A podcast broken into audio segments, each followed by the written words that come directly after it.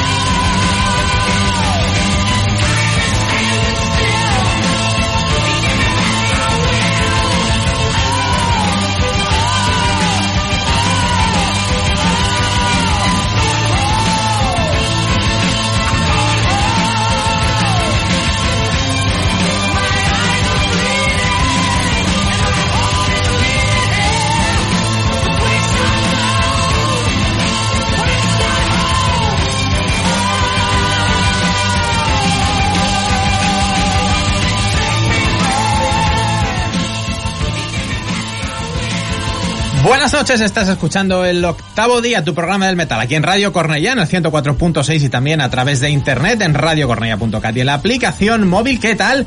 Nosotros un domingo más, dispuestos a traerte lo mejor del metal durante tres horas de 9 a 12, ya en este estudio 1 de Radio Cornellá. Saludos de Dani Ruiz, quien te está hablando ahora mismo, súper acompañado, hoy rodeadísimo, como siempre, a mi derecha, una vez más, un año más. Tony López, buenas noches. Un domingo más, buenas noches. Aquí estamos para traerte tres horas con lo mejor de metal, muy bien acompañados y, y pese al frío que hace en la calle, aquí con tanta gente en tan poco espacio, la verdad es que no, no notamos que ha llegado el invierno. Winter is coming, pero a Radio Cornella todavía no. Nunca falta Caliu en la Casa del Dragón.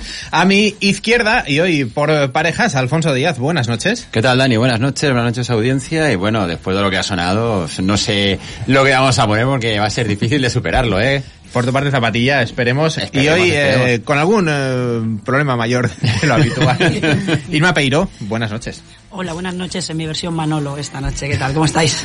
No pasa nada que Irma está aquí, aunque ha venido su primo. Hoy no tenemos a Siena Senserrica a los mandos, tenemos a Kiko Belinchón, nuestro técnico. Hemos empezado, Tony, de la única manera posible, podríamos decir. Hemos ¿no? empezado muy arriba porque esta pasada semana se ha celebrado el Festival Inedit de, de cine documental eh, musical y ayer pudimos estar tanto Inma como yo viendo Dreamers Never Die, el documental sobre la vida de Ronnie James Dio y claro, venimos arribísima, yo vengo muy arriba y me viene muy abajo con esa voz. Sí, se vengo quedó allí. abajo de, de lo bien que me lo pasé. se quedó nota, allí ¿no? la voz, se nota, se nota. Pues eh, luego en la, en la, como es el concierto al que fuimos nosotros ayer sábado, Exacto. cuando hablemos de conciertos eh, os hablaremos un poquito más de, de ese docu. De momento, eh, vamos a ir a meternos en faena y es que os anunciábamos las pasadas semanas que tendríamos hoy a Serapis Project, la banda de, bueno, Cristina, de Cristina Vega, de Chris Vega y de Joaco Luis, de quienes ya os hablamos en la previa entrevista que le hicimos a, Chris hace, hace cosa de un mes o algo así. En definitiva, como ya os introdujimos un poco a esa banda, como tocan la próxima semana y como tienen un montón de cosas que explicarnos, vamos a hablar con ellos. Escuchamos el primer acto de Serapis Project.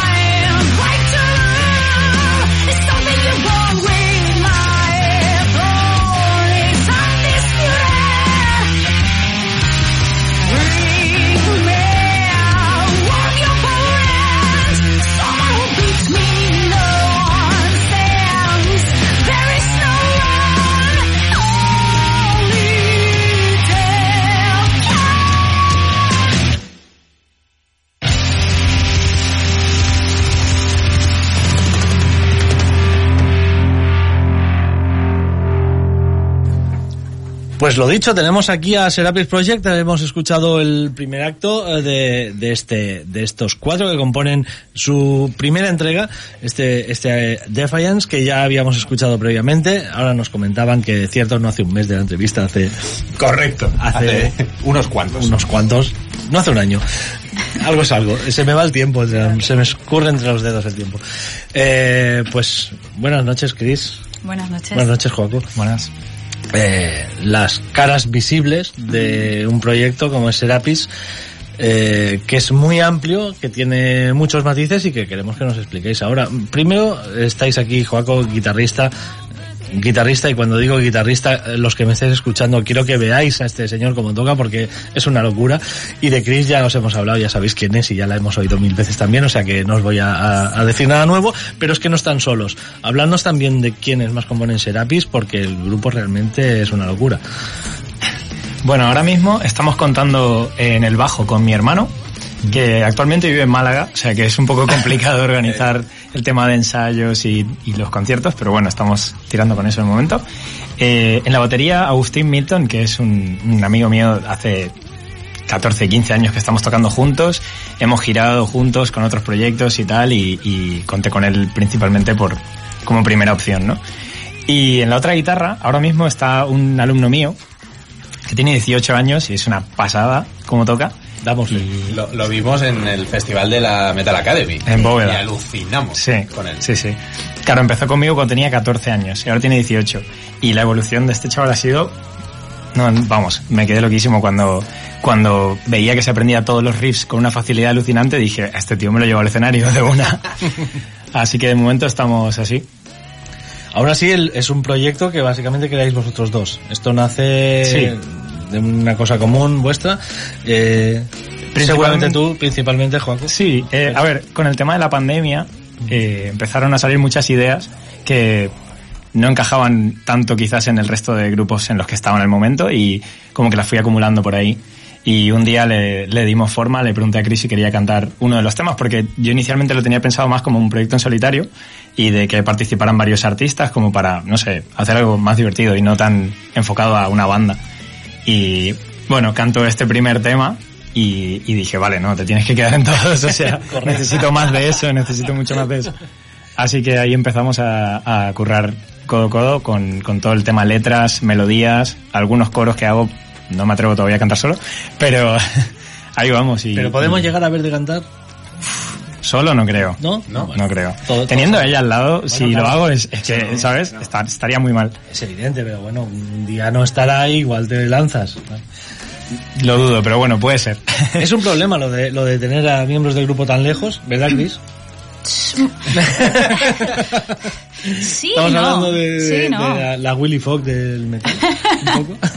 A ver, si, si te combinas bien y confías en que tus compañeros o compañeras curran en casa y se aprenden los temas y le meten las mismas horas que tú, no, no tienes por qué temer. Ahora, si cada uno vive en una punta del mundo y nadie hace nada, pues em, es más complicado, claro. Entonces, yo estoy muy contenta porque eh, tanto en Serapis Project como en, en otros proyectos en los que estoy, eh, aunque los am, componentes viven en otras partes del mundo o en otras ciudades, eh, se trabaja como locos. O sea que, Más incluso. Sí. ¿no? Eh, últimamente estamos viendo, gracias también a, a la facilidad de comunicaciones que hay, ¿no? Que, que muchas bandas optan por, por algo así, bandas multinacionales, que antes seguramente sería más difícil, ¿no? Pero ahora estamos viendo Immortal Guardian, que son todo el continente americano de arriba abajo, vemos a Cobra Spell, vemos a, a Nervosa, ¿no? Un montón de bandas que están deslocalizadas, por así Sí. decirlo. Mm, ¿No hay algún tipo de dificultad en el momento que os juntáis eh, para llevar a cabo lo que habéis estado ensayando a distancia? mientras, o sea, mm, claro, al final te tienes que reunir, ¿no? Incluso para componer, si, quieres que, que los demás formen parte, tienes que reunirte, tienes que organizar ensayos en algún punto del mundo, está claro, ¿vale? Nosotros tenemos suerte porque el, ah, en Cobra Spell, por ejemplo, la, la base de operaciones es eh, Casa de Sonia, ¿no? O sea, es Holanda. Entonces, la bajista vive allí, eh, la guitarrista es de Berlín, o sea que solo tiene que coger un vuelo pequeño o incluso en autobús ha venido alguna vez y yo vuelo hacia allí. O sea que mm, eh, en dos horas estoy allí. O sea, de hecho, ahora, cerca. ahora vengo de allí. No eres diva satánica y pricámara, digamos. Exacto, es que, claro, a- si, si hay un océano por en medio ya es más chungo. Entonces, igual te vas enviando las grabaciones, vas manteniendo el contacto, te vas viendo por, por videollamada y a a veces incluso es más productivo que, que con gente que vive en tu ciudad, la verdad. Sí, cierto. Eh, nos centramos un poco más en Sí. Serapis Project. Eh, es, bueno, los cuatro temas que componen este EP o, o no EP, porque de hecho los encontramos en Spotify, los encont- encontramos en plataformas por separado los temas, aunque tienen una continuidad, son cuatro actos. supuesto. Y bueno, explícanos un poco la historia, cómo se concibe. Ya Chris nos explicó un poquito de dónde venía la cosa, pero Joaco, explícanos el concepto, cómo concibes tú esta historia de Serapis y, y, y a dónde nos lleva la, la historia. La continuidad, ¿no? Que también, y, y, y amplío la pregunta, supongo que te condiciona bastante porque no son temas que puedas tocar ahora el 3, ahora el 1, no, Claro. porque tienes que, que llevar una, una linealidad, ¿no? Hay una continuidad, sí. Explícanos un poco Eh, el concepto. voy a explicar, pero relativamente poco, porque tenemos una sorpresa preparada para el Totum, entonces Ah, uh. no quiero arruinarla ahora, porque de verdad estaría guay que, que la gente lo pueda vivir allí. Estamos preparando algo muy chulo. Eh, básicamente, el tema de la composición eh, fue como que queríamos estirar un poco toda esta historia para que vayan de la mano los motivos melódicos que se van repitiendo, ¿no? Y, y algunos incluso estribillos que se repiten en el tema 2, hay uno que se repite en el 4, hay partes del 1 que están en el 3. Y bueno, la idea era un poco como crear algo un poco más quizá cinematográfico, ¿no? Con el, con el tema de la composición, que no sea solo cuatro canciones de un grupo.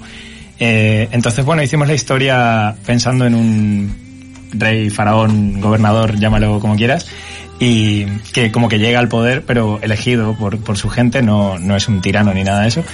Pero bueno, también eh, es como muy exigente y, tira para adelante y el que no se una a él, pues, pues será aplastado, lamentablemente. Entonces, en- los del reino enemigo como que quieren frenarlo y, le envían a una chica que para que lo seduzca y lo asesine, digamos, ¿no? Y resulta que la chica, el, problema es que se enamora de él. Entonces empieza a ver como una historia así de amor y muchos problemas. y bueno, el tema 3 que es más lentito, más tranquilito, habla un poco de la nostalgia porque la chica vuelve a su reino a ver si pueden organizar un poco la paz y demás. Y claro, el otro está que se tira de los pelos porque no sabe nunca más nada de ella, ¿no? Y para no entrar mucho más en detalles, es una historia así un poco de emociones fuertes, por así decirlo. Yo veo una serie en HBO, por Sí, lo sí, menos. llegará, llegará. Y esto a nivel de, de composición, eh, ¿os plantáis, montáis la historia y luego sale lo, sale lo que es la música o se sale la música y luego montáis la historia alrededor de ella? El primer tema hice primero el tema directamente y después empezamos a montar toda la historia y gracias a eso empezamos a hacer los demás ya un poco más condicionados por la, por la narrativa, digamos. Y ahora ya hemos hecho los otros cuatro, los siguientes, y ahora en el Totum tocaremos los ocho, de hecho. Así que también habrá elementos en esos cuatro nuevos de los cuatro primeros, pero claro, en otro ambiente totalmente distinto, más oscuro o más triste o más feliz incluso, pero muy poquito, ¿eh? porque es- sigue siendo metal, Eh, pero guay, así que no sé, ¿qué- ¿quieres aportar todo más? Yo quiero aportar que los cuatro últimos temas los hemos sacado en dos semanas. Y por eso aún no están en Spotify.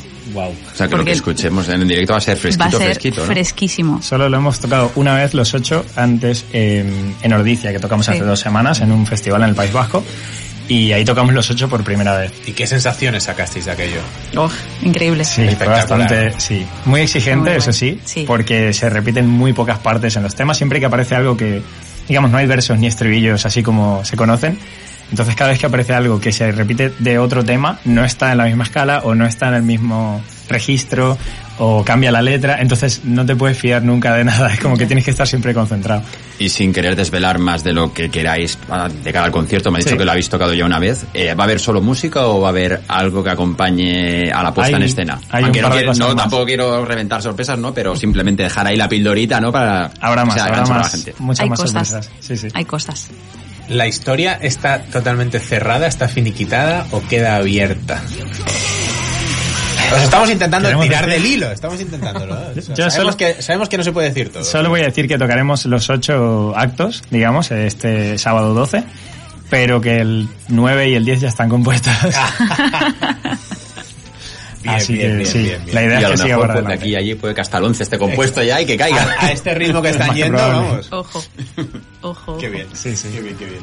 Hablamos un poco de- del espacio porque, bueno, y de, y de la gente que monta esto, porque Toton Revolutum es, bueno, es una institución ya en, en el panorama, sobre todo el PROC en Barcelona. Y, y bueno, pues ahora, ahora les ha dado por hacer esto, estas pildoritas, ¿no? Eh, Estuvimos el pasado mes eh, viendo Time Lost, esta, esta vez os, to- os toca a vosotros.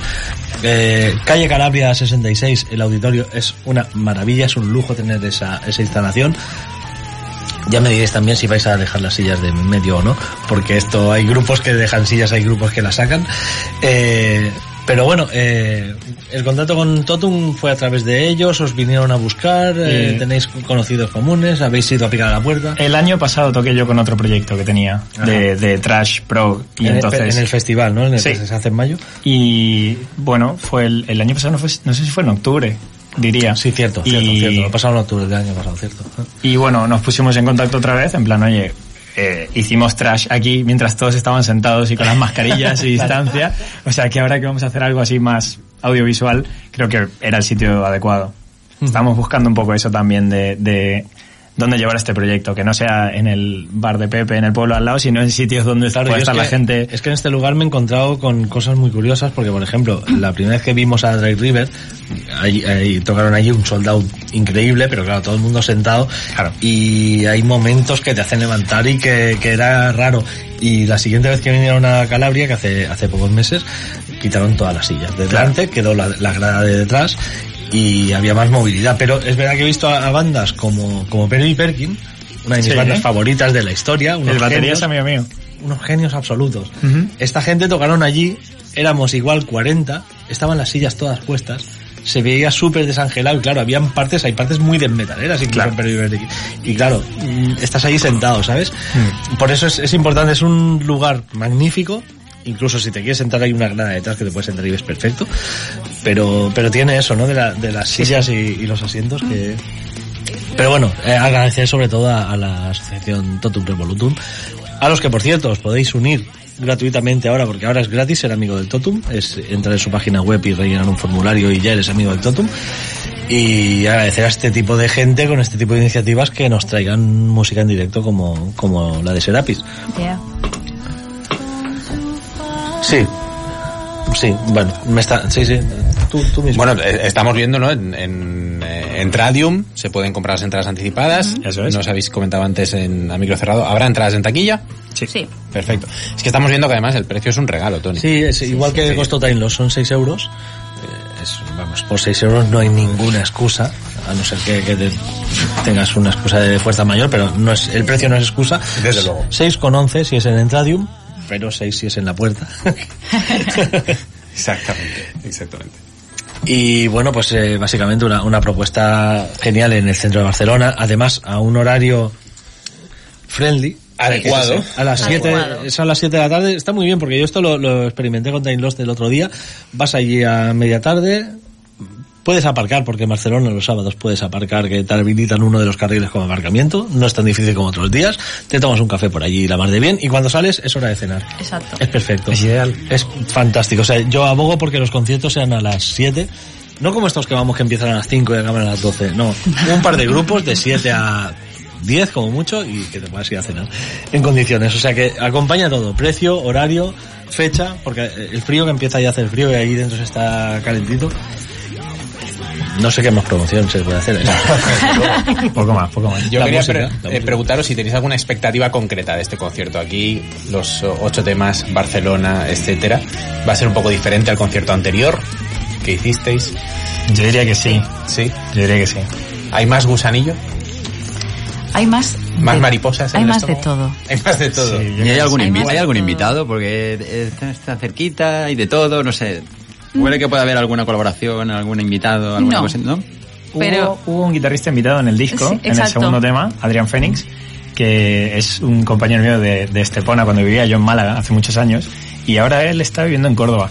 Y hablé con él por Instagram y tal, por si quería colaborar, y grabó un solo, que ahora lo, lo toca Sergi en directo. Eh, pero lamentablemente no podremos contar con él para el, para el concierto, así que esta vez tocaremos nosotros cinco nada más. Bueno, nada más y nada menos, vaya. Correcto. Que nos encantaría, ¿eh? Pero ha sido, además, que ha sido todo como muy frenético, ¿no? Ha sido todo también muy... Componer, componer, componer, componer, ensayar, ensayar, ensayar y, hostia, el concierto la semana que viene. Uf, Sí, sí. jolín.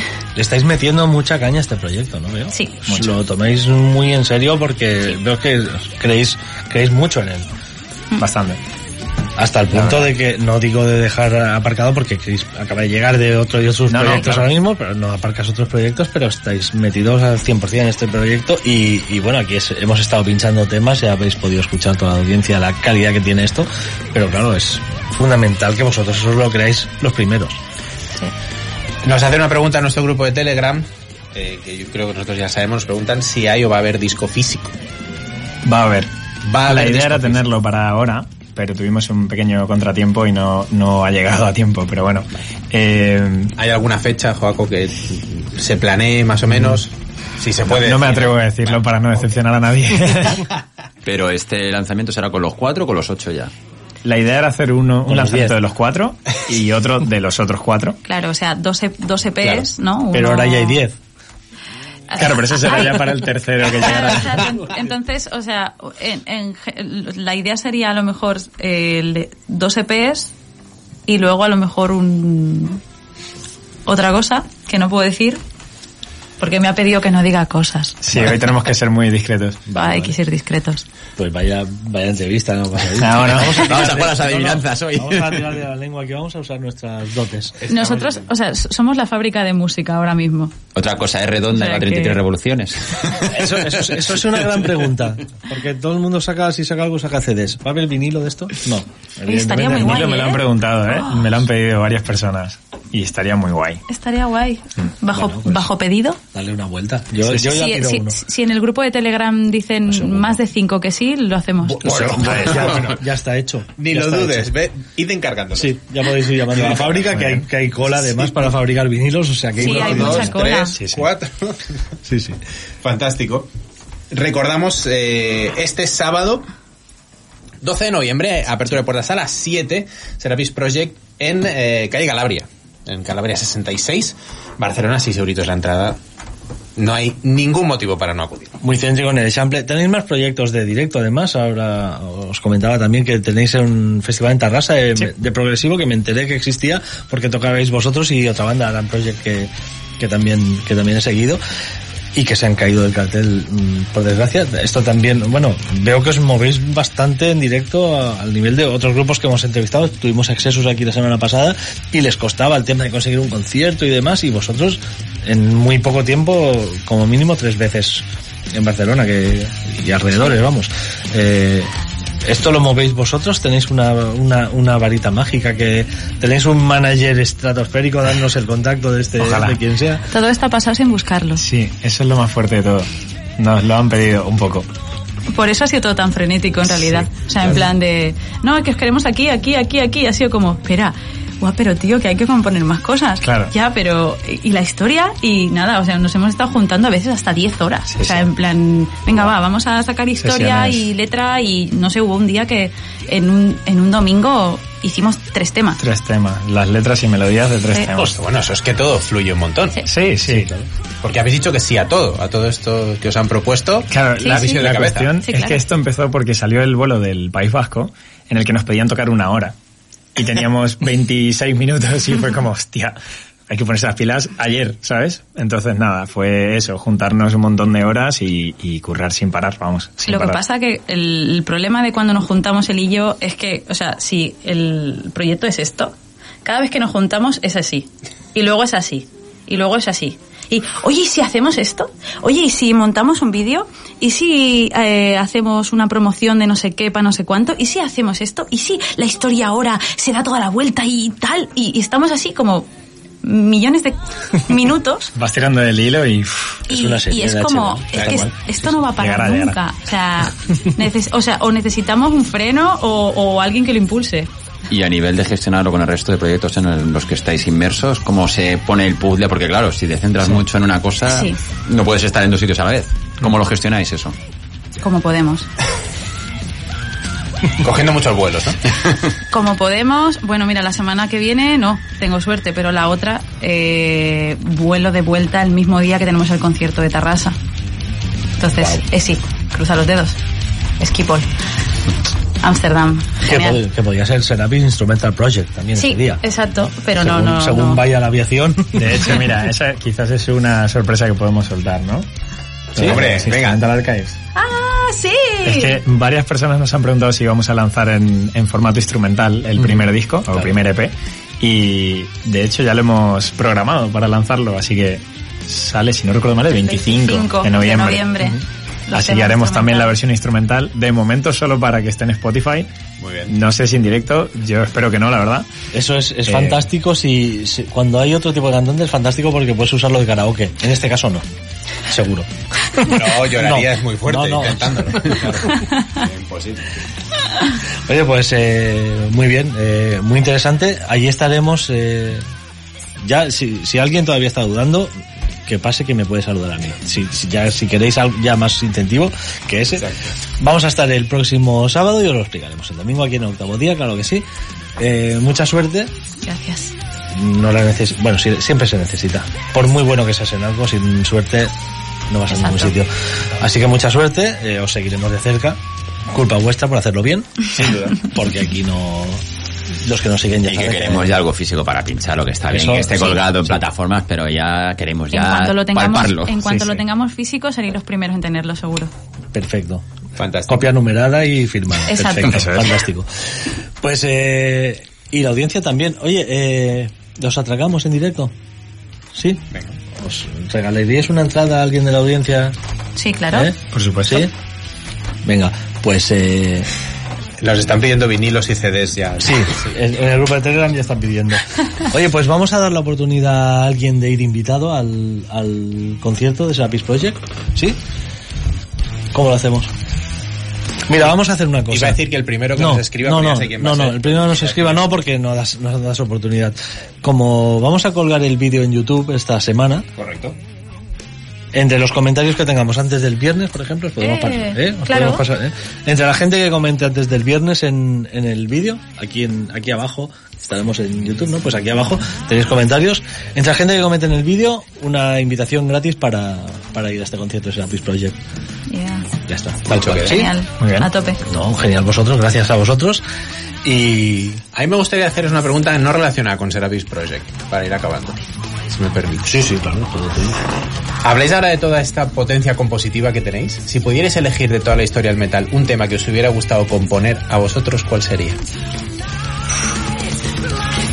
¿Y por qué Metropolis Part One? Exacto, es que, es que está ahí la cosa, está ahí, ¿eh? Quitando Metropolis Part One. Eso sí, sí que es un atraco en, en toda regla, lo sé. O alguna tema- que te hubiera... que- tema que a mí me aunque hubiera no sea gustado componer, te componer. gustaría tocar, que te gustaría cantar, que te hubiera gustado cantar. Esto no se pregunta así en frío, Dani. Esto A es- bocajarro, a Ghost of Perdition de Opeth. Hombre, pues sí, pues también. Pues sí, Pues también. Pues sí, sí. Sí, señor. Fantástico. Yo hubiera ido con algo un poco más largo, igual Octavarium de Dream Theater. Es que ese es, claro. El tema. El tema, el tema Sí, octavario. sí, sí, Bueno, sí. ya son eso 24... 24 minutos. claro, Sí, sí, de- claro. sí, sí. Tres octavarios. Fant- Exacto. 24. Fantástico. Pues ahora sí. Eh, o sea, Ghost of Perdition y Octavarium. El que no esté en Calabria el próximo sábado es que no sé eh, qué hacéis con vuestra vida. de Se va a sentir culpable el resto de su vida. Debería. Debería. Así es, pues eh, lo dicho, gracias por haber estado hoy aquí, Serapis Project, Joaco, Joaco, eh, Chris y, Muchas gracias. Y gracias eh, por lo que nos vais a ofrecer el próximo sábado, vamos a estar ahí a tope. Lo podréis leer en Science of Noise, os lo digo a vosotros, podéis entrar a Science of Noise y, y leerlo también. Yeah. Y pero bueno, es mejor que estéis allí, que luego leáis en Science la crítica y digáis, pues este tío es un capullo porque no ha dicho aquello o lo otro. O sea, siempre, criticar siempre desde, desde el conocimiento. Lo dicho, Joaco, Chris, esta es vuestra casa, cuando queráis, aquí, aquí nos tenéis. Gracias. Muchas gracias. Muchas gracias. We're hanging on through.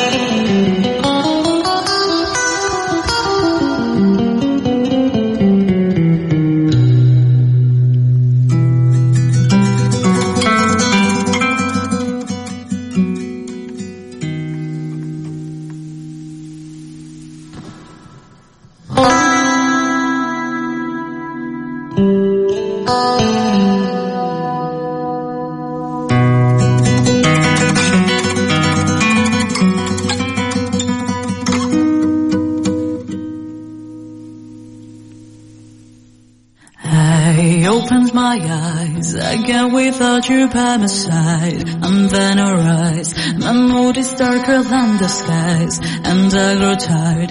My patience isn't gonna last. Please come back.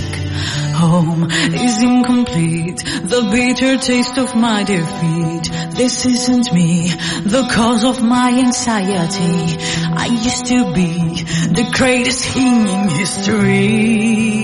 I must fall. She's gone. Many moons have passed. She's gone. Her perfume still lasts. She's gone. When will she be back? She's gone. Far gone. I shouldn't have been as weak as my own enemies. I can't be seen feeling this vulnerability. It doesn't fit. What will my people think of me? My downfall. No, this is so wrong.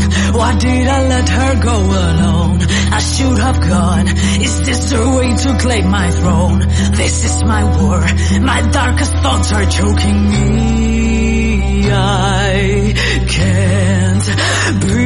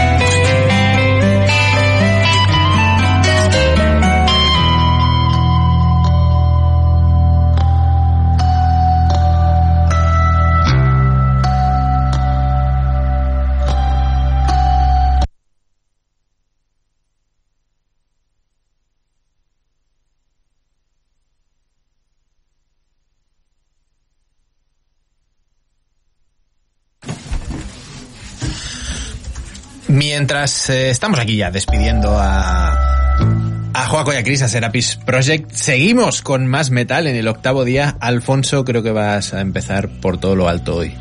Bueno, por lo menos vamos a intentarlo, que, que no está de más. Y lo vamos a poner en, en modo seguimiento, porque aquí en el programa suenan muchas bandas, algunas tienen, tienen buena acogida, buena repercusión. Sin duda. Y bueno, pues una vez ya las tenemos en el radar, ¿no? Pues hay, hay que seguir, hay que... No hay que dejarlas, ¿no? Exactamente, hay que acompañarlas en su camino. Y estamos hablando, pues, voy a meterme un poquito en terreno de Tony, su famosa sec- sección de los pis suecos. Vamos a irnos. Malditos suecos. Malditos suecos. Malditos suecos al final. Pero que no, que no es mi sección, que es una sección del programa y cada Es día. transversal al metal. Hoy la ocupas tú, Alfonso. Y la noticia, Fatal. pues es que vamos a tener un grupo sueco. Es la noticia de, de la jornada. Sí, señor. Saltó la sorpresa en los de sorpresa.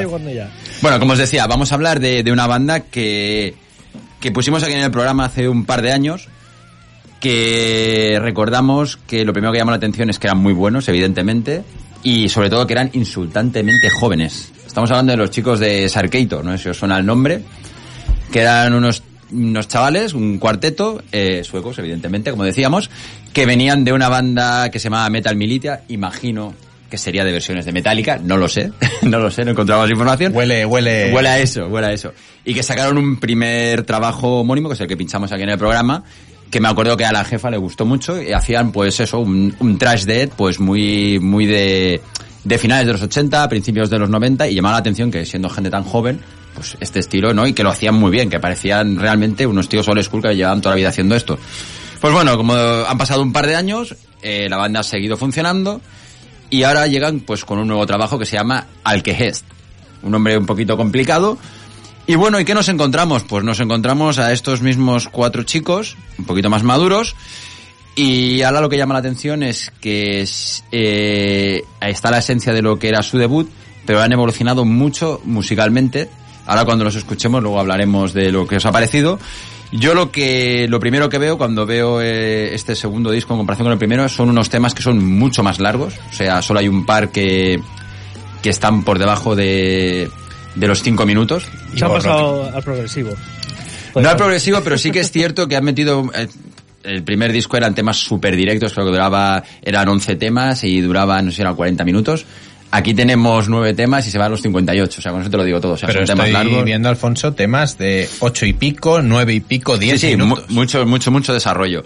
Y eso, pues, cuanto menos me ha llamado la atención. Ya os digo, eh, en líneas generales eh, siguen siendo igual de buenos músicos. Sí que es verdad que se han dejado un poquito el rollo ese tan old school que tenían antes y ahora pues hacen otra cosa, han, han ampliado miras y su sonido ha cambiado un poquito, ha virado. A mí me siguen pareciendo buenos y ahora vosotros me diréis qué os parece. Vamos a escuchar uno de los temas de este segundo trabajo de Sarkator, se llama Perdition Hands.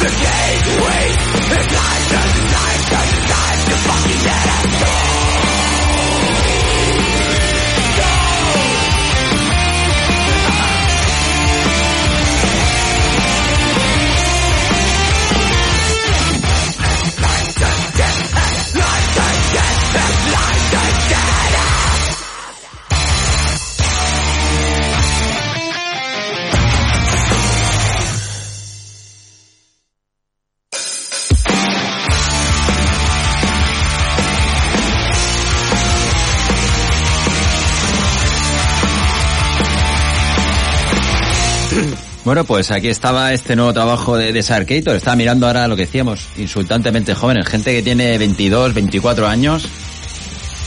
Y bueno, y, no sé si os acordáis de cómo sonaban, no sé, en el grupo de Telegram, si os acordáis cómo sonaban.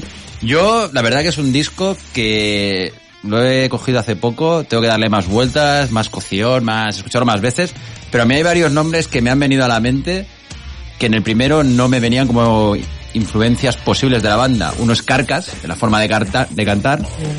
Y luego también esa guitarra, ese inicio que hemos vuelto a poner para que quedara otra vez patente, me ha recordado un poco a Tribulation. O sea, con la guitarra así etérea por encima pintada, que era algo que en el primer disco para nada dirías que tenía nada que ver. Y aquí, no sé, me ha dado...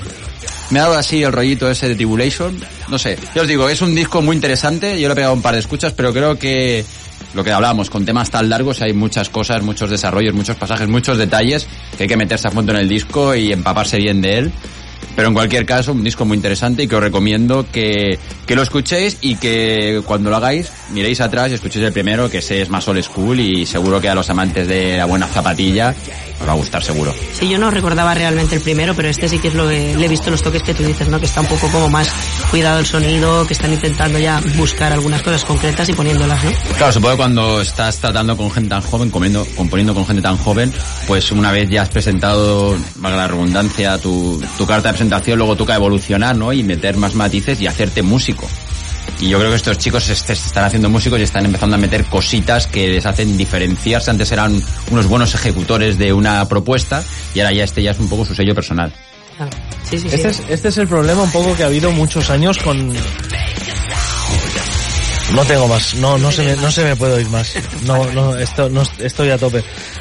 Es el problema que ha habido muchos años con el tema de la música grabada enlatada, que cuando una banda conseguía grabar el disco, llevarlo a cabo y tenía la gira de presentación, ya estaba grabando otras cosas diferentes y tal, y yo creo que en este caso puede haber bastante de eso, ¿no? Que sacaran el primer disco y ellos ya estaban en otra onda y, y se nota un montón la, la evolución y la diferencia. Es, es muy curioso, me ha sorprendido muchísimo. No, y también ayuda, me imagino, en que no haya habido cambios en la formación, que son los mismos cuatro músicos, que claro, van en, digamos, en la misma, en el mismo barco, nunca mejor dicho, y claro, se- ahí se retroalimentan unos a otros, no es aquello que entra uno nuevo, que hay que amoldarlo, hay que ser conservador a la hora de, de componer, sino que cuando ya conoces a tu equipo de trabajo, pues tienes más libertad y a la hora de probar cosas nuevas. Pues sí, como conocemos a nuestro equipo de trabajo, pues nos vamos a, a esperar cualquier cosa menos lo que está sonando de parte de Inma, que sí. Eh, pues sí, efectivamente, yo me voy a ir a otra cosa muy distinta, aunque no menos contundente hoy, Oh, que vengo un poquito más dura que otros días. Será por Eh, la voz. Será por la voz. Sí, un poquito por la voz. Eh, nada, yo quería, mm, este mes eh, pasado ya, sí, en octubre, salió un trabajo de una banda muy veterana como son Jaded Heart, que es una banda que a mí me sigue em, llamando la atención cada vez que publican trabajo, ¿no? Porque sí que es verdad que han tenido eh, altos y bajos, eh, pero yo les conocí en la época más hard rockera, entonces cada vez que me sale el anuncio de nuevo disco de Jaded Heart, voy buscando el hard rock y me encuentro con heavy metal y me parece estupendo. O sea, Todo bien. todo, todo correcto, tampoco no, no me molesta nada. Y pues me ha vuelto a pasar, me ha vuelto a suceder que Jaded Heart han sacado un trabajo y os quería pinchar un tema a ver qué os parece la contundencia que están llevando desde que dejaron Escape Music y ficharon con la nueva compañía. Así que Lady Spider de Jaded Heart.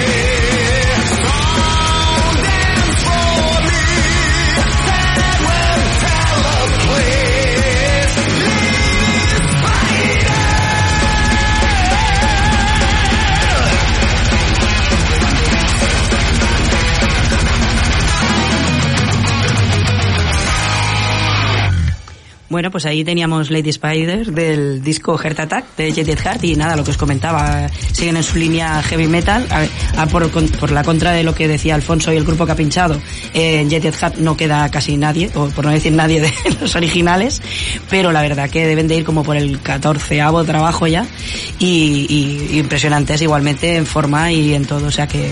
Más creo que heavy metal, yo te diría metal alemán. Metal Este alemán. Es el metal alemán, aquel que nos gustaba tanto en los 90. Pues sí, sí, la verdad que suena bastante a eso. Y muy contundente y, y está, está bastante variado ¿eh? también el disco, pero es que es todo... Tengo tres o cuatro y, y no los recuerdo así. Voy a tener que desempolvarlos. Hace un montón que no los he oído.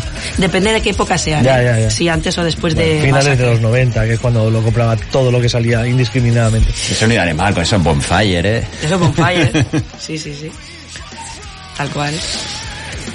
Pero bueno, nos sorprendía muy gratamente y la verdad que lo recomiendo a todo el mundo este, este trabajo. No, pero esto no suena a Bonfire, esto suena más a metal alemán más que a hard rock. Bueno, pero que era la época esa Sí, sí, de era- era- esos grupos sí, que sacaban la cabecita y luego al final pues Pero pocos esto- llegaron esto- a mucha cosa.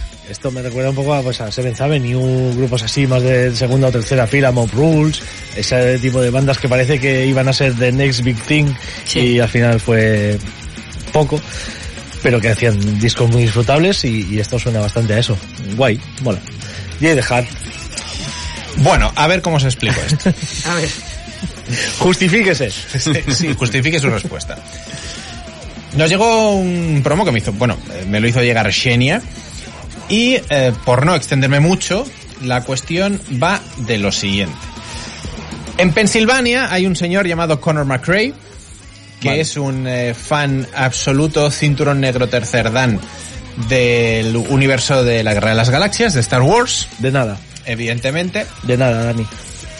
¿Esto viene de tu parte también? Esto venía la semana pasada y dije, como... Ah, me- bueno, sí, claro, es verdad que lo tienes tú recibido también. No, sí, sí, claro, pero como, como me, iba a sobrar un tema, pensé, voy a dejar este porque igual a Dani le interesa pincharlo. Correcto. No- Esto es No hay así. duda. Esto es así. El tipo se embebe los eh, cómics de Dawn of the Jedi, de Dark Horse, y como además le gusta el power metal, lo fusiona todo. Según pone en la misma hoja promocional, Bis Mística, que así se llama el grupo, es, eh, está recomendado para eh, aquellos fans de Rhapsody Blind Guardian Iron Maiden que además sean fans de Star Wars. Y he dicho, perdón, Vaya, ya ¿cuándo han hablado, escrito. ¿cuándo han hablado estas personas conmigo? Eh, están haciendo un crowdfunding para financiar el EP que sale en eh, diciembre, 2 de diciembre de 2022. Yo paso el crowdfunding, lo he llamado, le he dado el número de mi tarjeta y el PIN y he dicho, coge lo que necesites. y, y ya está. De momento tenemos unos... Y Dani estoy viendo el bajo un puente. Pero habrá merecido la pena. Habrá merecido la pena.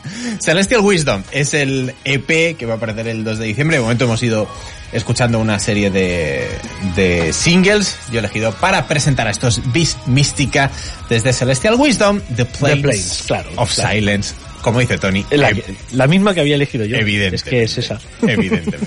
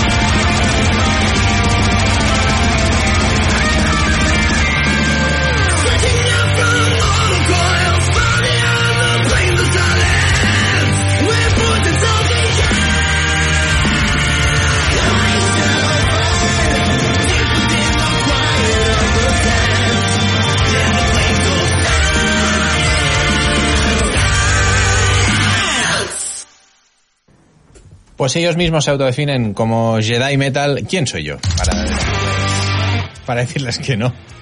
De momento, como digo, hemos eh, escuchado cinco singles desde 2020 hasta 2022. Legacy of the Builders, que es el último que se editó. El 2 de diciembre por fin tendremos el EP. Y la verdad es que muchas ganas de tenerlo en las manos. Y las llaves de tu casa, ¿no? Tienen el EP y las llaves de tu casa. Ah, bueno, sí. cuando quieran. o sea, yo ya os he dicho, he hablado con Connor, pues ya es Connor. Ya es colega. Es Connor, es Connor. Y le he dicho que lo que necesite, que aquí estoy. claro. No, la verdad que me ha sorprendido lo de la temática, ¿no? Porque el estilo sí que es muy eh, por el dragón y el castillo y tal, y hostia, la temática. Sí, pero no es tan dulce, ¿no? Ni, ni, ni es tan happy metal. Mm, No, no, no, está muy chulo. es súper denso, es- de los tuyos, además. Sí, Sí, la verdad es que casa, apunta, apunta maneras, apunta maneras de momento. En formato trío, Dylan Trollope, Conor McRae, el creador, y Devin Doyer a las ¿Y dónde voces. son? Que me lo he perdido. Pensilvania. Pensilvania. Pensilvania, United States. United States. Sí. ¿El, el estado lo sabes? No, Ni idea. Pittsburgh. Estoy igual. No, No tengo ni idea. No, no. Luego lo busco. de hecho no sé si. Pensilvania es, Es el estado. estado a. Connor y que te lo digan un please, hombre. Exacto, dile Cono. Sí, ahora en cuanto... El cambio horario, ¿no? La diferencia horaria es... Exacto. Pensilvania es el estado, Es el correcto. estado, vale. Correcto, correcto. O sea que lo otro era la ciudad. Sí, señora. Sí, señora. En fin, un poquito de power metal para seguir amenizando este domingo 6 de noviembre, pero ahora todos en pie. Tony. A ver.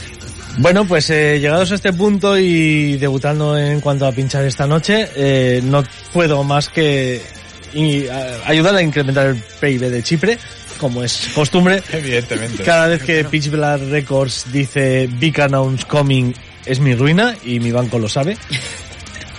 Eh, es que Pitch Black es la compañía chipriota encargada de eh, editar los discos de Ryan Paz y a Ryan Paz acaban de destrozarme el top anual que tenía yo ya casi empaquetado porque el 9 de diciembre va a salir su nuevo trabajo Tus Always. Ahora lo he perdido el, el nombre del disco. The Tyrants. Exacto The Tyrants. Tus Always the Tyrants un disco que es el primer disco realmente conceptual de Ryan Paz que va a hablar sobre Evagelos eh, primero, el grande, eh, en una época en la que Bien, no, claro. Atenas, Esparta, Persia estaba, estaba en, en guerra, pues desde Chipre, que en esa época era parte de, parte del imperio persa, surgió la, la figura de- del rey Evagelos eh, primero, como digo, y sobre esa historia es sobre la que versa el, el, el nuevo trabajo de Ryan Paz. Evidentemente, eh, la temática ya es épica de por sí, la banda es épica de por sí. Mm, os dejamos es con- épico de por sí. Yo soy épico de por sí. El tema adelanto que nos han dejado este pasado viernes 4 es Of Royal Ancestry. Así es como va a sonar el nuevo trabajo de Ryan Paz.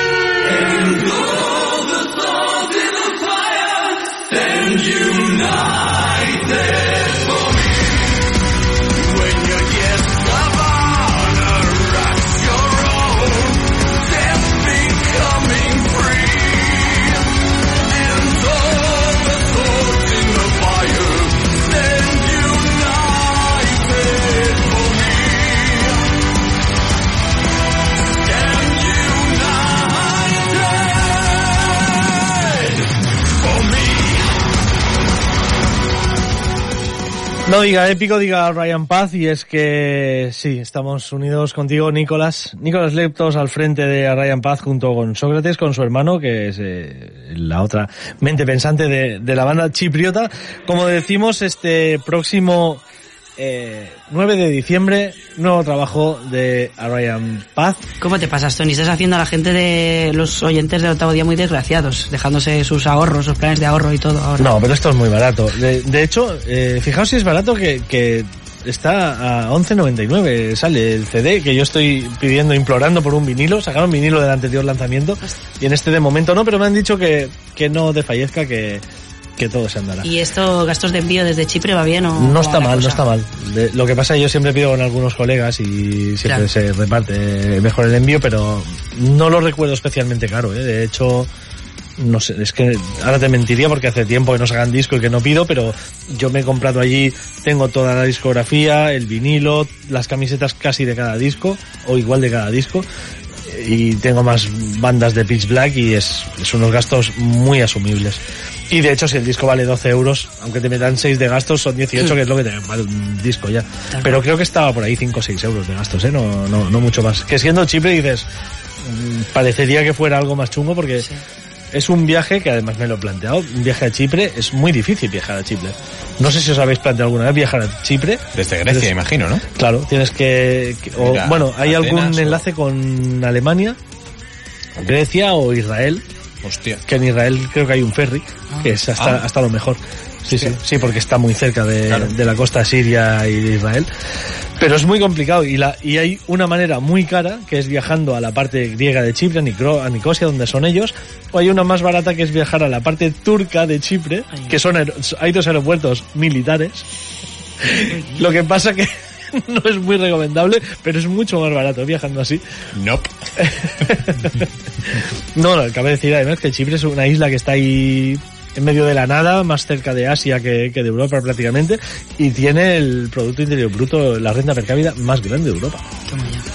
Es Gracias una- a los discos que les compras, claro, Eh, evidentemente. sí, claro, claro. Cada vez que saca disco a Ryan Paz, ahí es fiesta nacional. No sé, Tony, si lo recuerdas, eh, si fue para el Ira Imperium, para, el- para el- la salida del Ira Imperium o del Stigmata, que el Nicolás Leptos puso en Facebook. Esto va a ser tan épico que la policía de lo épico va a venir y nos va a detener a todos. Por lo que veo, siguen en esa línea. Sí, sí, sí. Decías antes a micro cerrado que ha habido algún fan que parecía estar ya algo disgustado. A mí este tema me, ha- me ha parecido sublime. Sí, pues no, no, no a todo el mundo, porque el primer comentario, que, tal como lo colgaron en YouTube, fue eh, mi banda favorita cada vez peor. A lo que yo respondí, mi banda favorita cada vez mejor.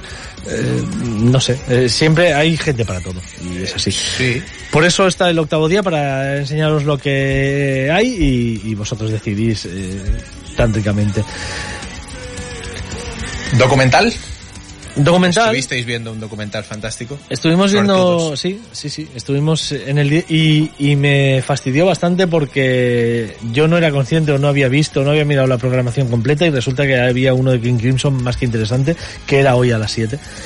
¿Cómo que no lo habéis? Ah, a ti no te lo mandé. No, Hostia, no pues lo mandé a cuatro o cinco Pues frikis mí de no, King Crimson. pues mira, no. mira, tú te me escapaste. Bueno, pero aún así a King Crimson lo que hay que hacer es verlos en directo y ya está, Sí, ya, me, ya me conformo con eso. Pero sí, vimos Dreamers Never Die en la sala pequeña, la sala 1 de los multicines Aribau. El martes eh, se estrenó en la sala grande, la de Mm. más de mil personas. Sold out en ambas, en ambos casos. Más sesiones.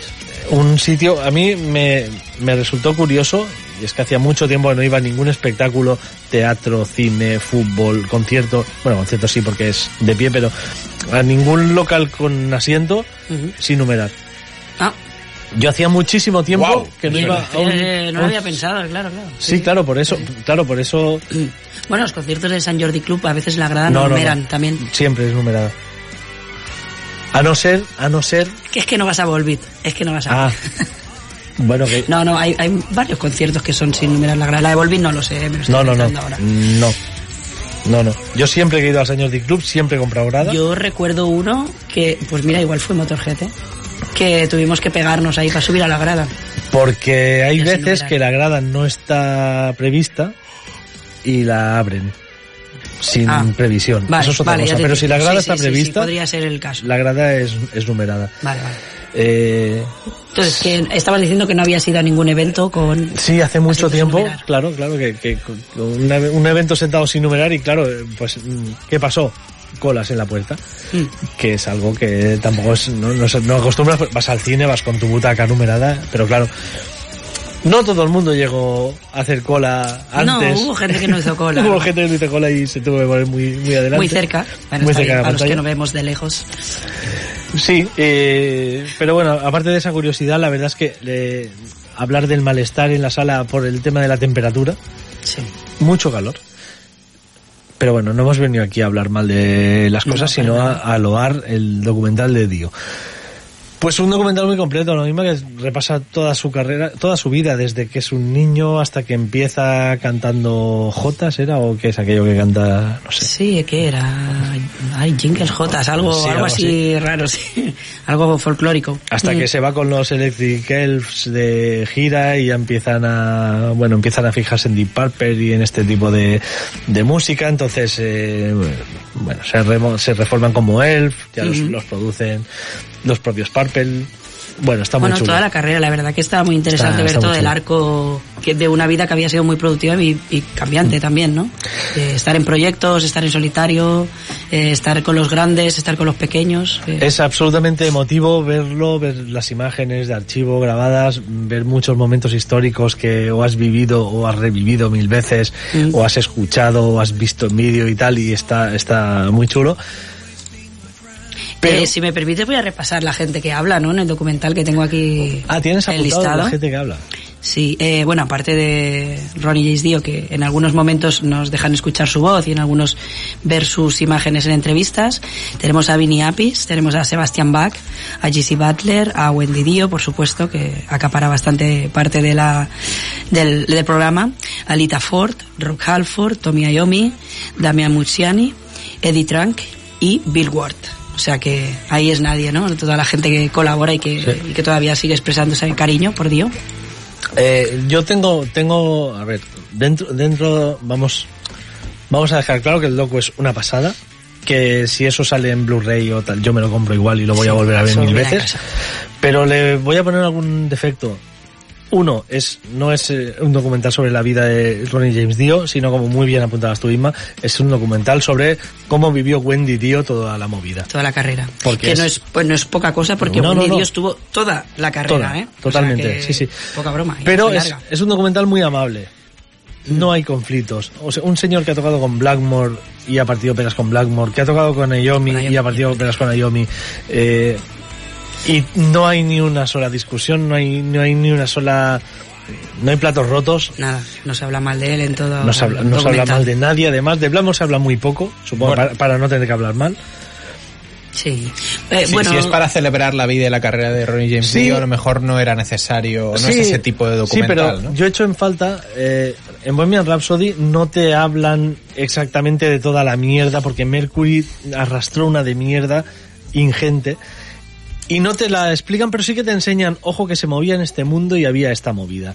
Dio no se movía, evidentemente, en esos mundos, eh, no estamos comparándolo con Mercury porque era totalmente distinto, pero sí que había mucha mierda y mucha movida, y, y creo además que está hecho desde un punto de vista muy americano. Y me explico. A mí me molestó bastante cuando Eddie Trunk, que por cierto es el mejor amigo de Mike Portnoy, sí, son, son muy amigos, es, es un periodista neoyorquino que cada vez que Portnoy pone una foto aquí de barbacoa en el patio está Eddie Trunk con él. Eddie Trunk decía que, que cosas como que en los 90 todo se murió. Todo se murió, a Ronnie lo despreciaron, al metal lo despreciaron, todo se puso mal y tal. si vino el grunge, que si no sé qué. Que misma vino el grunge, el, el heavy desapareció. Sí. No, tío, no, no es verdad.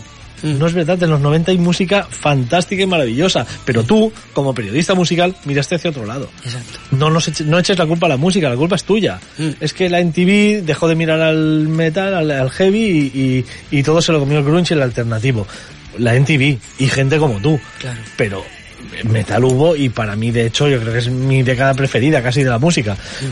Pero claro, tenías que escarbar y buscar heavy. O sea, claro, evidentemente esta gente no sabe lo que estaba haciendo aquí Rage y Gamma Ray en Correcto. Europa, ni lo que estaba haciendo Sabotage allí en Estados Unidos, porque no les interesaba No nada les Sabotage. preocupaba. Claro. Eh, y como Sí. tantos y tantos grupos. Entonces por ahí me parece una cosa bastante mm, tirada muy hacia, hacia un relato. Sí, iba acorde con el relato que querían explicar. Sí, y luego creo que no quedó... Eh, Dio no hubiera explicado de la misma manera que, que se hace en el docu su relación con los fans. Porque es verdad que hablan de que Dio siempre es una persona súper atenta con los fans y tal y cual, pero lo hablan como desde, desde el aspecto de que sí era muy buena persona, pero, pero había que irles tirando. Y yo eso lo viví. Yo no tengo ninguna foto con Ronnie James Dio porque yo lo vi una sola vez en directo y el tío estuvo casi tres horas firmando. Había gente con Sí. bolsas llenas de En el discos. Ramataz.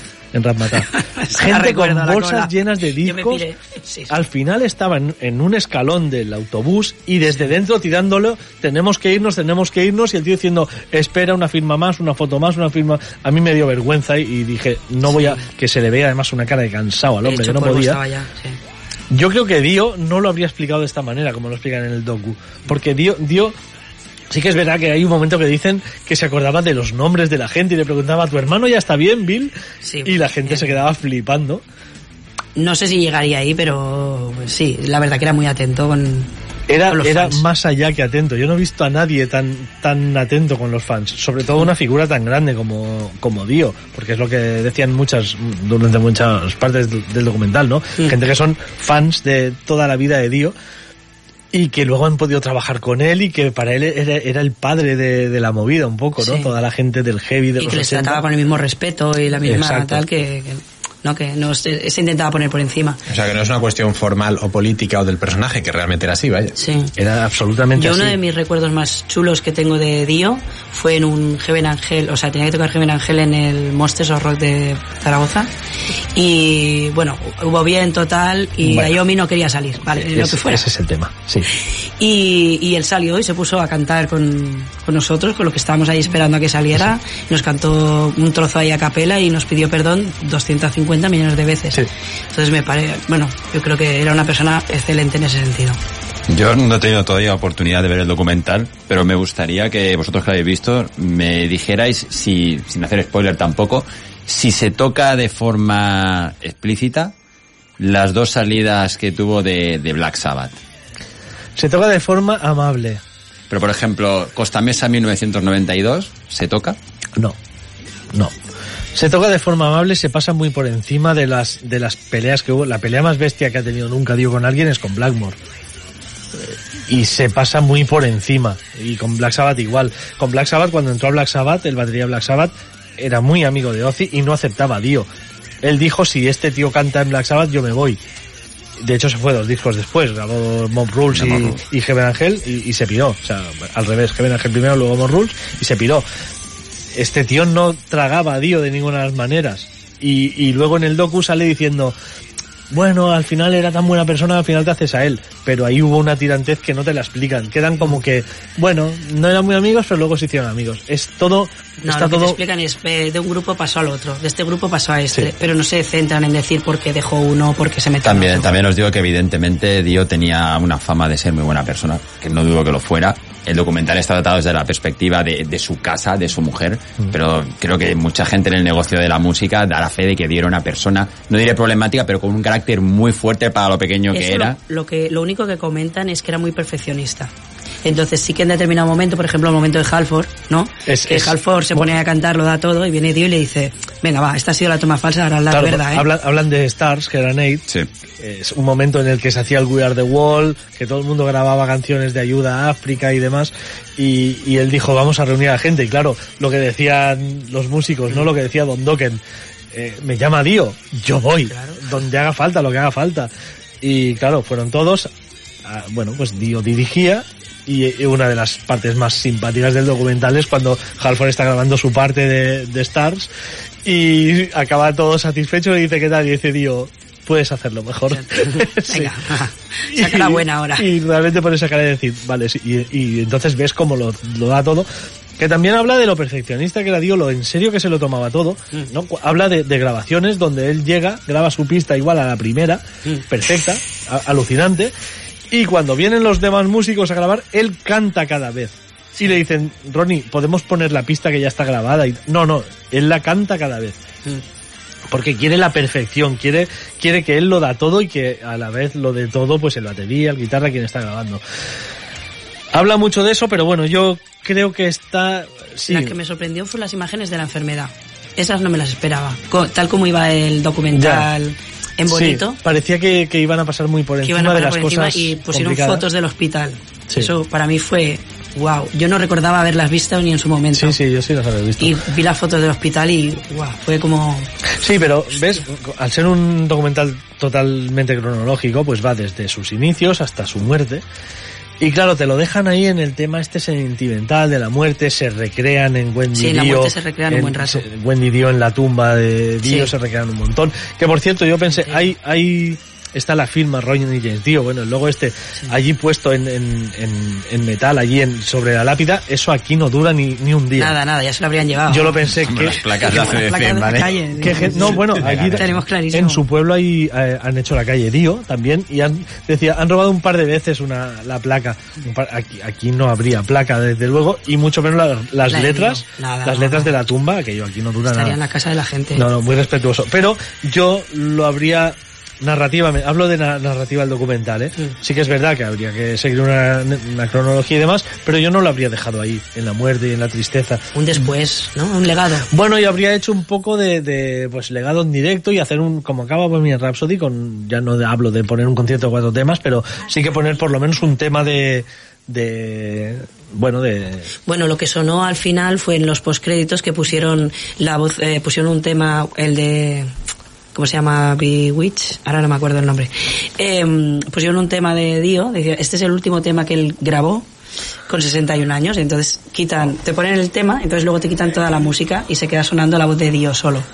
Eso, para cerrar quedó muy bonito, pero Sí. sí. que yo hubiera cogido a lo mejor más imágenes de la grabación de Heaven Angel en el Backen, por ejemplo, Sí. que fue un conciertazo. exacto, y poner algo así, acabar con algo Y acabar así. arriba, tío. O aunque fuera poner el, el, el vídeo con las imágenes de la grabación del Stars, que eso es una cosa que siempre te gusta ver y demás. Sale Ingrid Malmsteen, Sale salió en su momento. Sí, sí, sí, sí, sí. Sí, sí, es- es- hay momentos muy graciosos. Sebastián Bach es muy gracioso. Mm. Sebastián Bach hay un momento que está en su casa. humor. Está en su casa y pincha Bible Black y dice, ¿cómo puede ser tan grande para que el último single de tu historia, el último que haces, sea el mejor que has hecho nunca? Y sale el tío cantando, dándolo todo con Bible Black, haciéndose polvo. Hay, hay momentos muy simpáticos y la verdad es que es un buen homenaje a la, a la vida y a la carrera de Ronnie James Dio. Pero Pero una carrera, Tony, bastante más larga y productiva que lo que mucha gente se piensa, ¿eh? Sí. Porque antes de, de su etapa de ser conocido, creo que sus primeros discos, sus primeras grabaciones tenía 15 años. Sí, sí, sí, sí. De antes Sí. ya O cantaba. sea, Loco y esto está disponible hoy en día, ha sido un incunable, pero se está disponible a través de redes, de YouTube, se puede buscar ese material Sí. y se puede escuchar, ¿eh? Hablan de sus inicios con la trompeta incluso, o sea, sí, sí, hablan Wow. de, de todo, de toda la, la historia de, de Ronnie, pero sí que es verdad también que se separan mucho, o sea, por ejemplo, se paran mucho en Rising con Rainbow, pero ya pasan más por encima de los Live Rock and Roll. Eh, se paran mucho en Heaven Angel, un poquito en Mob Rules, y luego nombran The Humanizer por ahí como otra cosa que grabó en su carrera en solitario. Hablan muchísimo de, de Holy Diver y de Lasting Line, Line, pero y ya está. Ya y está. luego, sí, te hablan, ni sí, Wolves, ni Killing the Dragon, ni nada. salen Nada como más. muy por encima, o sea, se centra mucho en, en lo más conocido de, Hmm. de Dio, que yo por ahí me hubiera gustado ver un poco más también, pues sí, te hablan de cómo intenta renacer y cómo renace el interés por el heavy metal, que tampoco lo nombran por esa visión americana seguramente, pero es en Europa donde Dios vuelve a ser grande. Sí. Es Europa quien sostiene a Dio durante los años en que Estados Unidos nadie, es que lo- es lo que decía, nadie se interesa por Nadie. entrevistarle. Mm. Lo estás ofreciendo y nadie quiere entrevistarle. Y en cambio venía a Europa y llenaba salas. Más pequeñas que los estadios que hacían los 80, sí, pero llenaba salas. Entre el 2002 y el 2000. Tony, yo la primera vez, la primera vez que fui, que vi a Dio fue en el año 93, en lo que era Celeste, y de seguro que la sala no estaba llena. Y me acuerdo el telonero era Freak of Nature, que era el grupo de Mike Trump, y creo Sí, que éramos sí, sí. 50, 60 personas ahí cuando salió Mike Trump. Sí, sí. Y cuando tocaron Dio podía haber 400, 500 personas, porque tengo la imagen que yo era muy jovencito y ver Sí, sí. el Celeste prácticamente vacío, o sea, muy, muy desangelado. Pero es que en Era aquel- la época también de, en, de eso. en- en esa época yo en Celeste vi muchos conciertos mm, bastante vacíos. ¿eh? Sí, yo sí. me acuerdo de estar viendo Mr. Big girando con Bumpa Head, an- pero ancho, muy ancho. Ay, lo que pagarías ahora por ver los conciertos así en celeste. ¿eh? Sí. y, y de teloneros, fue la gira que los teloneros de Mr. Big eran Sinner. Exacto, sí señor. Pues eh, Pues que nada, que lo recomendamos desde aquí, Sí, que lo veáis, que os veáis las escenas post créditos también, que bueno, se levantó eso- mucha eso gente no, en los créditos. Eso ya no, eso ya no, porque era eh, material exclusivo para cines. No me fijé en Sí, el apunte. cuando, cuando acaban los créditos te sale un, un, un rótulo que pone a, a partir de ahora eh, verás material exclusivo para cines. Eso no va a salir en el DVD, aunque supongo que harán unos extras con el especial de corte Japón, que seguro. seguro. que sale. Pero bueno, sale en alguna anécdota, bueno, la anécdota del niño que se, bueno, un, un chaval que, que, está, que quería suicidarse y la policía fue a casa de Dio a buscar a Dio Mm. para que fuera Dio quien, quien, Que no frenara. quien frenase porque Hostia decía que puta. se suicidaba, se suicidaba y, y la madre dijo, eh, id a buscar a este tío que es, es el único en quien cree este niño. O la O sea, que- anécdota que, de... podríamos decir que mientras Judas mataban a, los- a la juventud de América, Dios la salvaban. Así, así. Sí, sí. Lo que pasa es que era, es, Dio estaba de gira con Heaven Angel, bueno, eh, explicando toda, toda la película. Y, y la anécdota graciosa de Dave Grohl, el puto Ah. Dave Grohl, que batería de Nirvana y actual cantante de Foo Fighters y demás, que se para al lado de Dio en un semáforo y empieza a gritarle Ronnie, Ronnie, y Dio mirando al frente como que no iba con él la cosa porque no lo odiaba, habían tenido algún, algún habían tenido algún roce y, la verdad es que eh, a Dio le nombrabas Nirvana era nombrarle al demonio. Y al final se gira y entonces Dave Grohl le hace el símbolo de los cuernos y Dio le sacó el dedo de en medio y le dijo Hasta "Vete luego, a Carmen". la puta mierda. bueno, sí, sí, es Es la otra cara de Dios, ¿eh? la otra cara de Dio, bueno, es que claro. Bueno, de cualquier persona, es que al final... Sí, cuando además como era una persona muy pasional, No, eh, una de las cosas que pasó ya. con Blackmore no era que su amor era tan grande que cuando se odiaron se odiaron muy grande también. Sí, sí, sí. Entonces, claro, cuando son personas pasionales, pues pasional para los dos lados. claro. Y, y ya para rematar la, la última incógnita, ¿se desvela el secreto de, del símbolo de los cuernos? Yo lo sé, pero Sí, se sí, desvela... Sí, sí, sí, totalmente. Sí, sí. De hecho, Sí, lo abordan mucho rato. sí, sí, sí. Pasan igual demasiado sí, rato. Demasiado rato, ya lo has. Sí, explicado, sí, sí. ya. Sí, sí, sí.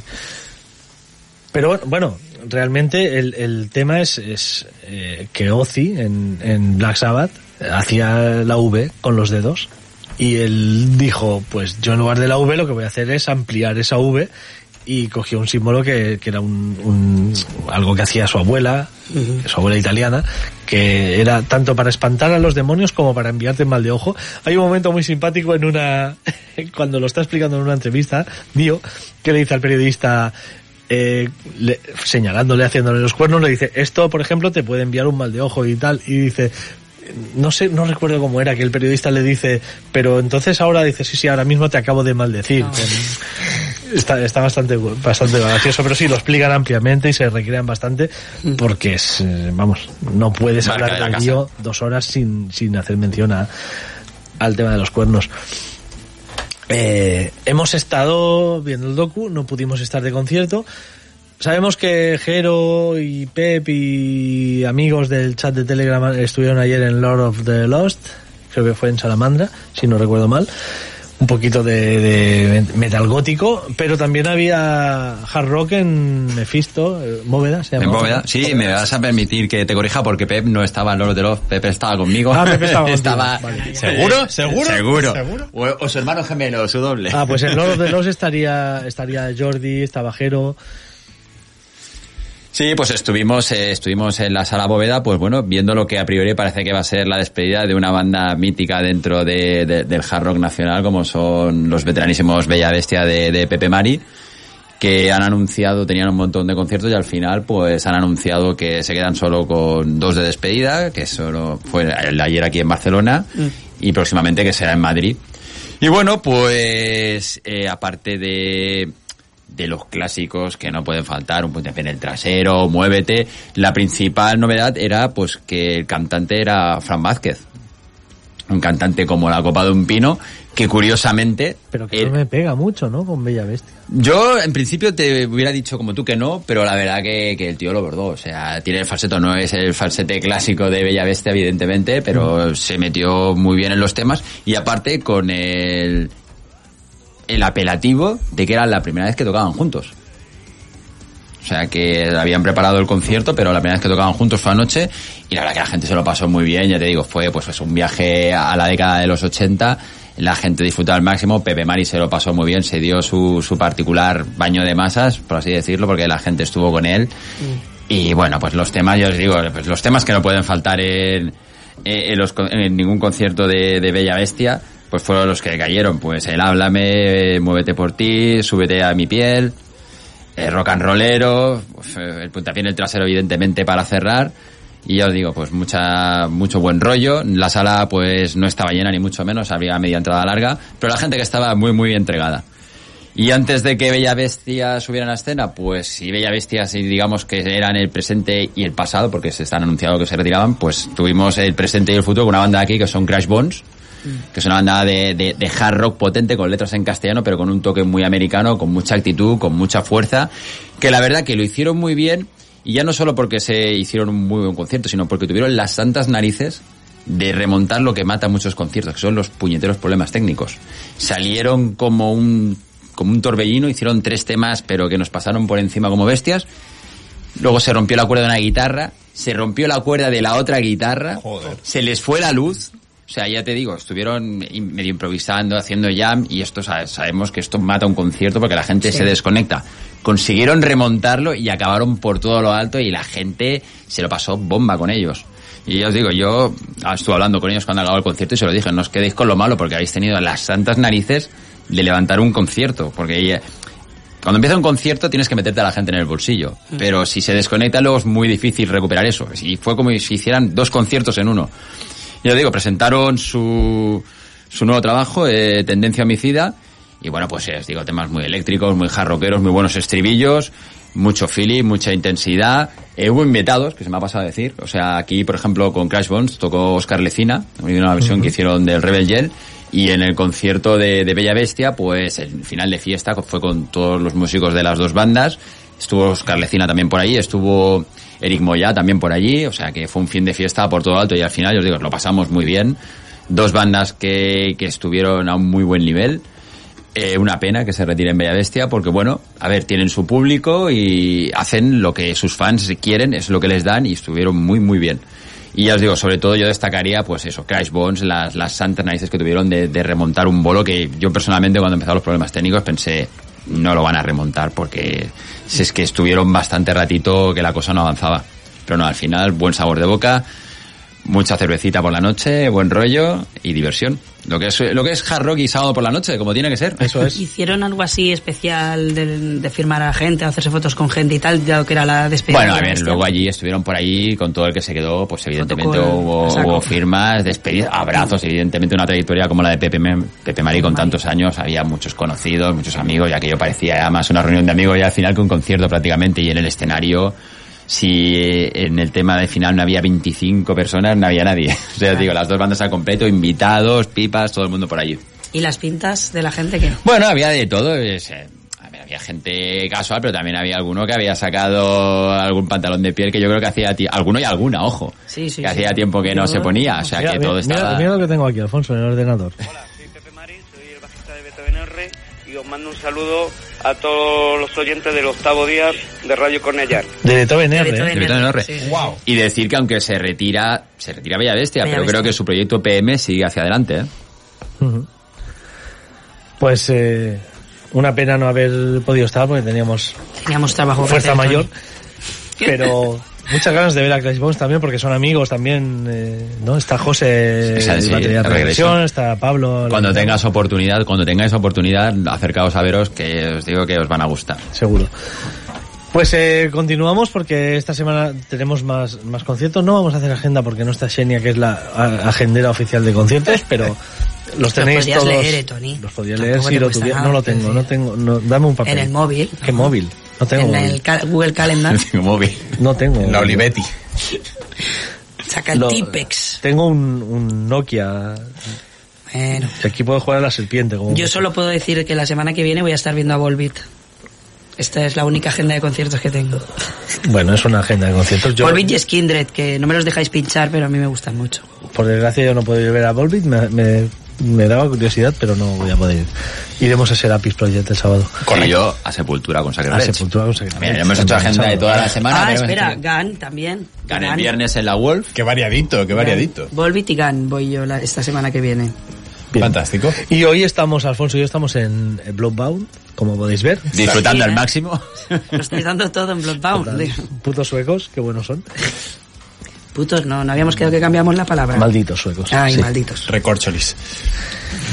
Pues eh, proseguimos con más música, Alfonso. Alfonso nos va a Sí, os voy a patada. dejar, sí, os voy a dejar una patada y me voy a ir y os voy a dejar a los mandos de, de la nave si os parece, pero antes de irme, antes de irme, Transporte vamos a ir, sí, vamos, vamos, por lo alto, por lo bajo con esta sección de, de traseros viajeros que se ha instaurado y que, como ya decía Tony, eh, por ejemplo, que, que adentrarse dentro de lo que es la escena de un país como Brasil es algo que no te lo vas a acabar nunca. Y yo, pues, asumo el desafío y aunque lo- no me la voy a acabar la escena, pues voy a volver a Brasil. Pues porque sí, porque vamos a ir hasta Sao Paulo. Te está gustando Brasil, ¿eh? Que la otra Sí, semana trajiste sí. aquellos cavernosos. Pues ya, ya verás esto, ya verás esto. Vamos a ir con una banda que, pese a que llevan ya bastantes años funcionando, solo han sacado pues un disco. ¿Sabemos. ¿Sabemos si hay algún músico ilustre brasileño que está en las calles cortando carreteras por Bolsonaro? como pasó con Ice Earth en el Capitolio. Ah, De todo, de todo tiene que haber la viña del señor. No y- quiero saberlo. y seguramente alguna habrá. Pero bueno, vamos a ir, como os digo, con estos chicos que se llaman Critical Fear. Ya el nombre ya promete. Y Pero, bueno, no, perdón, el co- ¿no sabes cómo se llama el tema que va a poner Alfonso? No. Vale, porque la has clavado con tu comentario. Exactamente, pare- parece que esté preparado. Por eso decía que todo tiene que ver en la Sí, viña sí. del señor, pero creo que ningún miembro de, de Critical Fear será de estos que No tiene comentaba pinta, Tony. ¿eh? No tiene pinta. Pues como yo creo que debe ser una banda, sin tampoco conocer mucho, porque la verdad que esto es pura investigación, o sea, es meterte y buscar la banda. Eh, creo que por el nombre de las, de las canciones y diría que no van por ahí los tiros, creo que son una gente bastante apegada a lo que es los problemas sociales y creo que a la gente de- del grupo de Telegram le van a gustar porque son zapatilla de la buena. Están, vamos a hablar de su segundo disco, Digital Danger, y vamos a escuchar el tema, como decía Dani, a ver qué os parece. Se llama Fastest.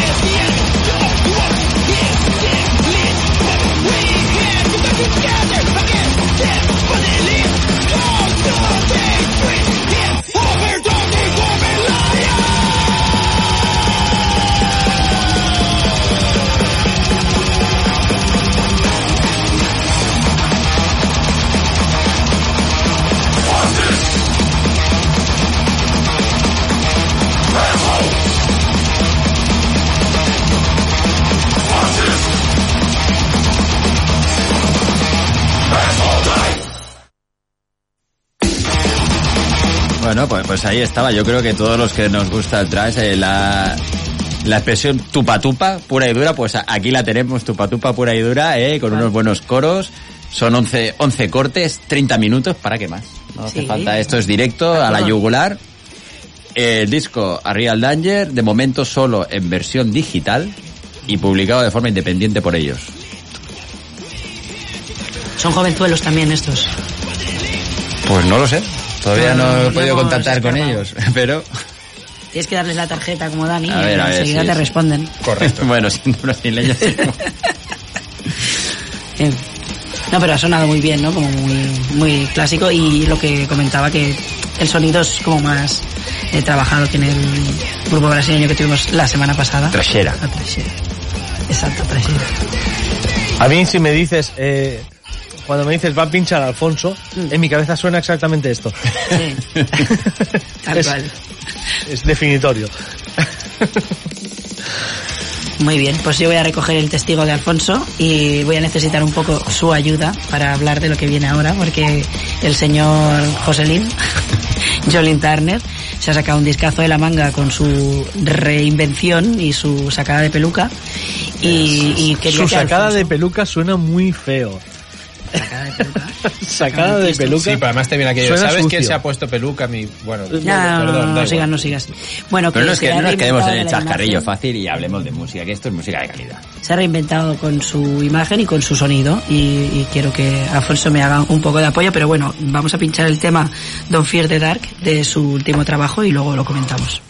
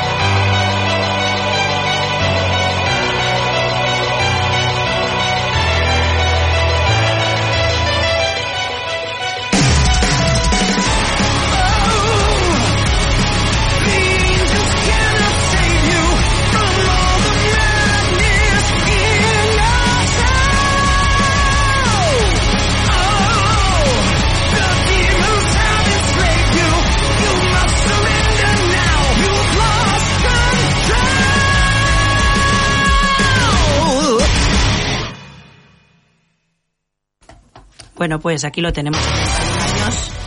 Aquí lo tenemos, 71 años y dando dando caña a tope y con un metal pues muy muy diferente de lo que nos tenía acostumbrados con la factoría Frontiers donde estaba haciendo Sandstorm que era bastante más eh, tranquilito y suave, ¿no? Comentábamos ahora. Y lo que comentábamos con Inma a micro cerrado es que yo creo que aquí la, la labor de Peter Dahlgren es, es, es notable porque yo, como decía también a Inma, yo no me imagino a Jolie Turner en su casa pensando en, su, en el sofá de su casa, voy a grabar un disco que suene así. O sea, por evidentemente, pues por salto generacional, muy difícil de, de que yo creo que él pueda querer que su disco, en teoría, sonara así. O sea que yo creo que Yo creo que él buscaba contundencia. Sí, o sea, él quería pero esa- esa vida- separarse, porque como buen, ahora estaba diciendo que es un rey del drama y, bueno, le gusta liar la gorda siempre y por las redes y tal. Eh, como rey del, del drama, él quiso hacer como una ruptura muy grande con su carrera y con la asociación de su nombre a la música más suave, ¿no? Y ya dijo cuando anunció que iba a hacer nuevo disco que iba a ser potente y que nos agarrásemos los machos, ¿no? Y la verdad es que lo ha sido. y tienes que buscar, pero tienes que buscar quien te pueda canalizar tu talento y tu forma de cantar y de componer hacia, hacia ese hacia ese nuevo punto que tú quieres llegar. Mm. Yo creo que aquí el hilo conductor es muy importante y ese ha sido, el del productor, que también toca guitarras y bajo programación, o sea que Peter Dahlgren está muy presente en este disco y yo creo que, que es un disco que va a sorprender a los viejos fans de Jolie Turner, va a sorprender y a mí personalmente me ha gustado mucho, o sea, no me lo esperaba a estas alturas un disco así de Jolie Turner. A mí también lo que veo es eso, por la carrera que él tiene, los fans que estén más en el lado hard rock, eh, es posible que pierda alguna atención por ese lado, pero creo que la va a compensar porque va a ganar fans incluso de generaciones nuevas, porque es que el sonido es muy fresco, es muy actual y es muy potente. Y habrá que ver Entonces, si, si sale a la carretera cómo van a convivir estos temas tan potentes con algunos clásicos Era- era edulcoraditos que tiene. Era mi pregunta. ¿Va, a hacer es el tributo vergonzoso que lleva haciendo tantos años? ¿O va, a, ¿O va a meter alguna canción de este disco? ¿O va a presentar el disco y va de una vez a tocar canciones propias? Que yo he ido a verlo, no sé, cuatro o cinco veces en solitario y todavía eh, creo que he escuchado dos temas propios de él. Todo versiones siempre. o sea, al final ya dejas de ir. porque- Yo, mira, te- lo que decía micro cerrado, recuerdo clarísimamente un concierto en la luz de gas en que yo estaba pidiendo todo el rato el primer tema del Unusual Suspects y cuando lo tocó, toda la bancada, Metal Paca, le dijo que cantara canciones de los 80 que eso era una mierda. Correcto, sí, y sí. tú no sí. puedes estar cantando en el escenario y que la gente te esté abucheando. Sí, sí. Más que nada porque esa que gente ser. es la que ha pagado tu entrada y tienes que darle sí. también Bueno, lo que... pasó, pasó en, eh, esto lo he explicado ya alguna vez, eh, vino en Razmataz 2 eh, hace unos años y, y era todo el, el set este de versiones que hace y en medio Blood Restars, que es uno de sus mejores temas, es un estribillo increíble. La gente desconectó absolutamente. Nada, cero. Pero Claro. es que muy mal educados además. Sí, entonces el- la siguiente vez que vino, que fue a Calella, Mm. en el Calella, en Ah, el sí, Festival de Calella, Calella. fue exactamente el mismo setlist quitando Blood Restars. Tal cual. Es decir, todo versiones. Entonces, mm, tenía entrada para verlo al siguiente, a la siguiente vez y ya fue. O sea, no hace falta, ya lo he visto esto muchas veces. Esperemos que sea capaz también tiene una edad y no sé yo cómo se puede plantear una gira a los 71 años. Con la exigencia vocal que tiene que llevar un trabajo como, como el que acaba de, de grabar. No sé hasta qué A mí me punto. da miedo la voz, pero bueno, si los separa lo suficiente los conciertos unos de otros, lo que pasa es que igual no le sale rentable el viaje. Es que ese es el tema.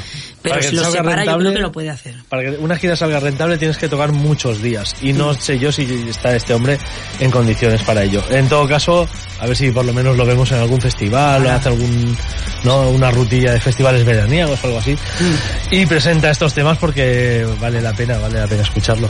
Muy bien. Bueno, nos despedimos de Alfonso. Sí, ya. cuando nos despedimos de Alfonso. Bueno, pues buenas noches a todos. Y la semana que viene, por mi parte, espero que más y mejor. Buscaremos alguna zapatilla por ahí que Brasil. con la que azozar. Brasil. Mientras Alfonso sigue indagando en el mundo zapatilla, yo me quedo con lo mío. Vamos a la sección de Metal Samurai hoy con una propuesta un poquito diferente. Os eh, traigo para presentar la banda Ethereal Scene, una banda que se formó en el año 97, aunque debutó discográficamente en 2009. No es muy prolífica. Lo cierto es que desde 2009 hasta este año solo han ah, aparecido cinco trabajos y el último, publicado en 2021, Time of Requiem Part 1, de lo que espero que aparezca el Part 2 dentro de poco. Vamos a recuperar el tema número 2. Vamos a escucharlo, vamos a ver qué os parece, porque es algo sorpresivo, quizás, por eh, quien lo pincha y por el país de origen de estos Ethereal Sin. Esto es Beyond Love and Hate.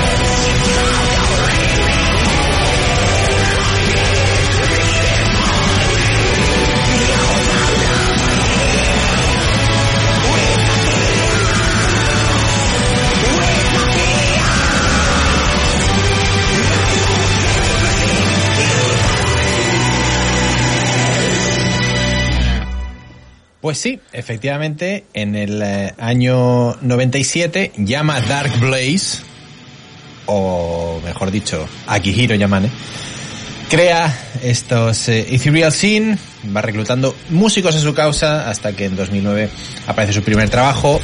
La banda es eh, claramente comandada por él. Actualmente de los seis miembros, tres entraron en 2000 de- entre 2018 y 2020. El más veterano, aparte de- del, del propio Yama, es eh, Seth Maelstrom, que esto siempre es muy gracioso cuando los músicos de por ahí se ponen nombres anglosajones. Es de 2010. Una estética muy chula con el yukata típico japonés, con las caras eh, pintadas como si fueran oni, demonios japoneses, y con unas influencias clarísimas dentro de ese black metal sinfónico en el disco, en este disco por lo menos. Podréis encontrar también mucho flirteo con el power metal, lo que eh, para mí lo ha hecho muy agradable. Pero bueno, me quería alejar un poquito también del metal neoclásico, del heavy, etcétera, que viene de Japón y presentaros a estos Ethereal Sin que me han parecido muy, muy interesantes, la verdad. Muy salvando las distancias y ese violín que yo lo quitaría personalmente. A mí me encanta. A ratos eh, Hikaisen Throne, lo cual para mí es, es, es una grata sorpresa y un- otro disco más a poner a mi interminable lista de cola de cola de música a escuchar. Nos dice Mark, eh, Tony, que muy black noventas. Sí, sí, sí. Bueno, eh, sí, sí, sí, totalmente. Eh, podía pasar por cualquier banda de este estilo de Hikaten Throne o de, o de bandas de este, de este black melódico. Sobre todo el- ese final con ese teclado atmosférico mandando. Muy bien, muy bien, muy, muy interesantes y banda a seguir. Sin duda, sin duda. Como banda a seguir es la que finalmente por fin, después de años y años reclamando, que dices, para mí esto es como el balón de oro en fútbol, ¿sabes? O sea, a mí me interesa que ganes la competición, que le den el balón de oro al futbolista y tal. A mí eso me da igual. O sea, a mí me gustará más uno, a ti otro. Que una, que un, o sea, a mí me interesa que Judas Priest saquen un buen disco, no que les metan en el Rock and Roll Hall of Fame. Pero es verdad que era una petición a voces, ya una cosa que, que también es verdad que clamaba al cielo que metiesen a Eminem y no a Judas Priest. Mo- perdón, tiempo muerto. Eminem está en Eminem el está en el Rock and Roll, Roll. Hall of Fame. Hall sí, of sí, Fame. sí, sí. Y cosas peores, ¿eh? Incluso. Pero bueno, hubo bastante revuelo cuando metieron a Eminem porque unos de los candidatos eran Judas y no entró Judas, pero sí Eminem. Ahora sí se ha hecho justicia. Hemos visto juntos otra vez a, a Kiki con, con, bueno, iba a decir con Glenn Tipton, la verdad es que ni se han mirado a la cara, KK y Los hemos visto juntos, pero no revueltos. Estaban uno al lado Sí, del buen otro. rollo. Pero ahí están, Judas Rising to the Rock and Roll Hall of Fame.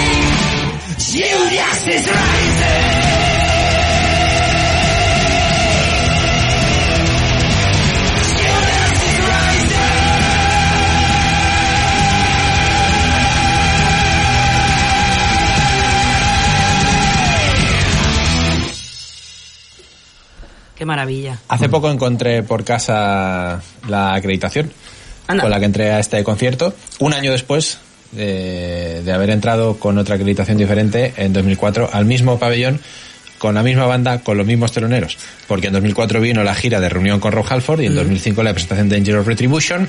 En la gira de 2004, si no recuerdo mal, venían con Inflames y dije, bien, voy a ver a Inflames y dijeron, no, en España toca Barón Rojo. Dice, bien, vale, vale. Bueno, pero ya había visto a Barón Rojo 14 veces. Los disfruté mucho, ¿eh? Todo hay que decirlo. Pero me acuerdo, me acuerdo de esta gira de Danger of Retribution y disfruté un montón el concierto. Eh, que por cierto, 2005 ya salía la gente del Palau Olímpico de Badalona diciendo, madre mía, lo que le ayudan a Rob Halford y tal. O sea que no es de ahora. Ahora no, no, ahora no, no, no. Ahora salió la gente diciendo que bien está Rob Halford. Sí, sí, sí, es, es así. Era en el sector que tú estabas, en el mío seguían diciendo lo de que le ayudan En el la mesa. sector en que yo estaba, escuché cosas como vaya lección le acaba de pegar a todos los cantantes nuevos este tío con 70 años. Eso llega a escuchar. Que sí, que la lo hizo muy bien. mueve- mueve montañas, Es dicen, ¿no? correcto, eso es. Celebramos la entrada en el Rock and Roll Hall of Sin Fame duda. de Judas Priest, que es una justicia histórica. Y ahora nos vamos hasta Polonia, eh, porque el próximo 20 de enero de 2023, y ya apuntando a los tops de 2023, o no, vete a saber, Ay, Dios. nos llega el que va a ser el nuevo próximo trabajo de Riverside, la banda de Marius Duda, se va a llamar ID Identity. Y ya tenemos el primer single, que es Riverside en estado puro, I'm Done With You, que, Gracias. que es, que es, bueno, hasta los mismos de ti. Done With You, Riverside nos adelantan lo que va a ser su próximo trabajo, ID Identity, para el próximo enero de 2023.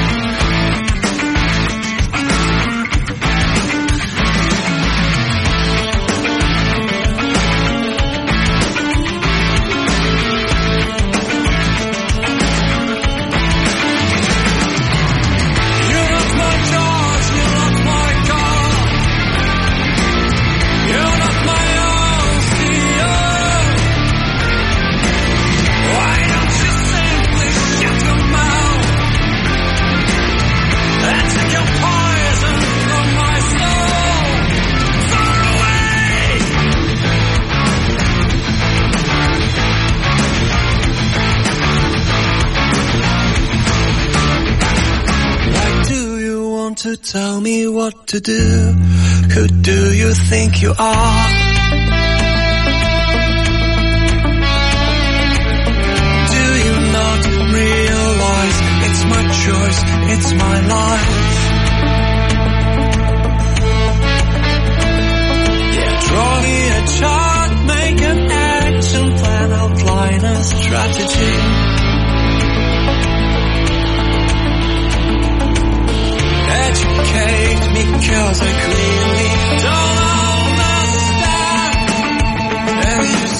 Clever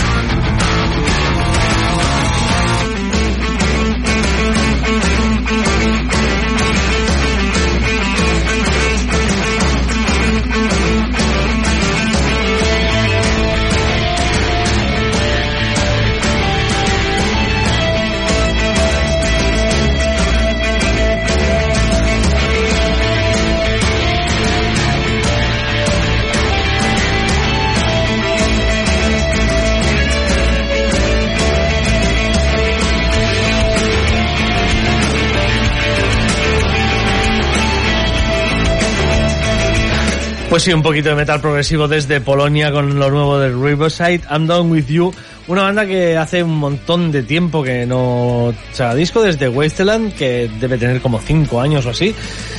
Un disco, Wasteland, que no me, no me atrapó a la primera, pero poco a poco fue calando hasta, hasta, hasta los huesos, de hecho, y fue el penúltimo concierto que vi antes de la pandemia, 27 de febrero de 2020, tocaron en, en Salamandra, en Barcelona, Riverside, y pocas veces en directo levantan los pies del suelo como lo haces con esta gente.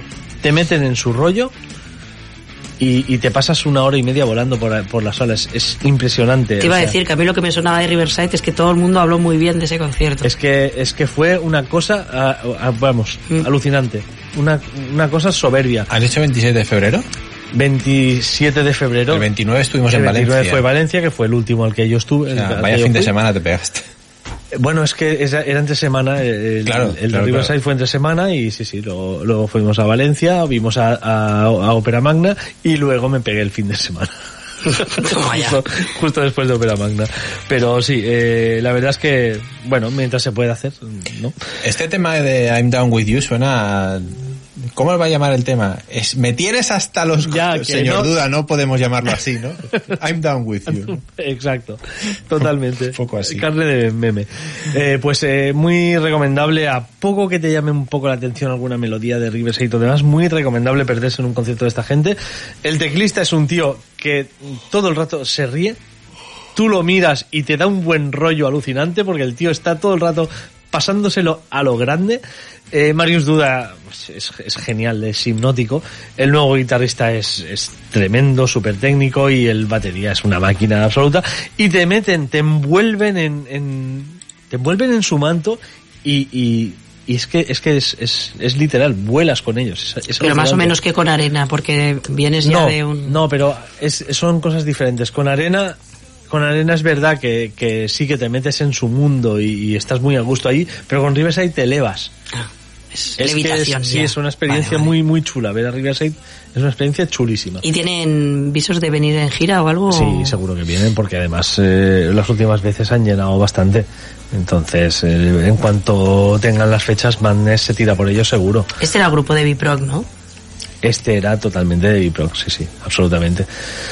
Me Sí, suena a ver es- los carteles, sí. Sí, sí, sí, totalmente. Eh, Bueno, una, una muy buena banda. eh, tuvieron una desgracia de perder a, a Piotr, a su guitarra eh, original. eh, murió a los 41 años, hace, hace unos pocos años. De hecho, el, el guitarra nuevo únicamente participa en el, en el último trabajo Wasteland. Ya se ha superado esto, ya hace años que, que murió, pero, pero aún así es algo que, que todavía el fan de Riverside y la gente que pudo verlo en directo también, eh, es- era un sonido de guitarra muy único. Era, eh, muchas de las estructuras de los temas de Riverside tienen similitudes con unos Pink Floyd, si quieres, más eléctricos, y acabando con solos muy, eh, no, no muy estilo Gilmour, porque era muy personal, Piotr, pero sí que tiene esa esencia. Esos solos finales eh, épicos y míticos de, de Floyd, pues en Riverside encuentras varios temas que, que los acaban así. Sorprendentemente el nuevo guitarrista clava bastante ese espíritu que, que les daba Piotr. Y como digo es una experiencia casi mística ver a Riverside. Muy muy recomendados o sea que si si vienen os lo recomiendo a saco. Riverside con su nuevo trabajo IG Identity el próximo 20 de enero de 2023 ya vamos ya Apuntando ya. ya No- cuando ya cuando empiezas a poner lanzamientos del 23 ya del año siguiente dices "Uf, a estas alturas de año y todavía sin el top 10 aclarado ¿eh? Ni, ni borrador tengo yo, malditos vamos, chipriotas del 2010. En fin. Bueno, pues yo voy a cambiar totalmente. Yo me voy a ir. Ay, Dios. Me voy a venir a aquí a la península a una banda pues que es bastante querida dentro del mundo del hard eh, eh, nacional y bueno que lleva pues desde el año 95 dando vueltas por por eh, yo creo que las giras son básicamente por aquí. No sé si han cruzado el charco ahora mismo. Rural, no- Rural Tour. No tengo presente. no, en lugar de World Tour hacen Rural Tour. Pero bueno, fue muy- recuerdo que fue muy sorprendente ya cuando salió porque era una banda de Guipúzcoa, de las Arte, y no nos esperábamos, no nos olimos nada a la tostada cuando vino esto de, del norte de la península, ¿no? Una banda de hard, pues eso que os decía, que es muy em, querida en el, en los círculos, y que sacan un nuevo disco, han sacado un nuevo disco, se llama Futura, pero este disco no ha sido ni anunciado, ni publicitado, ni nada de nada. Entonces eh, estuve intentando un poco eh, preguntar a mis contactos y decir, oye, ¿qué, qué está pasando aquí? Y parece ser que lo tenían un poco, lo tienen un poco abandonado por el tema de que están teniendo muchos problemas para la impresión de copias físicas de, de CDs, porque creo que no, no tienen en mente hacer vinilos todavía. Pero bueno, que se ve que se les ha retrasado mucho este tema, entonces han decidido, pues mira, vamos a parar la promoción y todo hasta que tengamos los CDs y se los podamos mandar a la gente. Pero bueno, yo como soy un poco impaciente, ya me lo he escuchado porque están las plataformas de streaming. Y aquí os traigo pues el tema que os traigo de este Futura. eh, se llama Sigo esperando.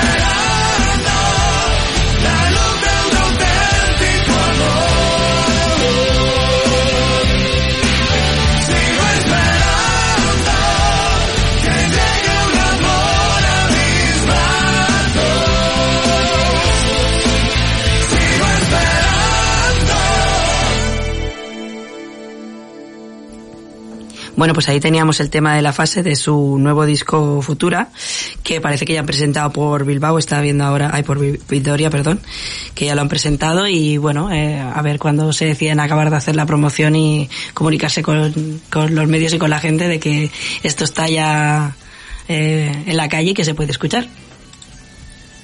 Por, por poco que le guste a Tony. No, bueno, sigo Bueno, esperando sí. el metal, sí, Bueno, sí, sigo sí. esperándolo. sí.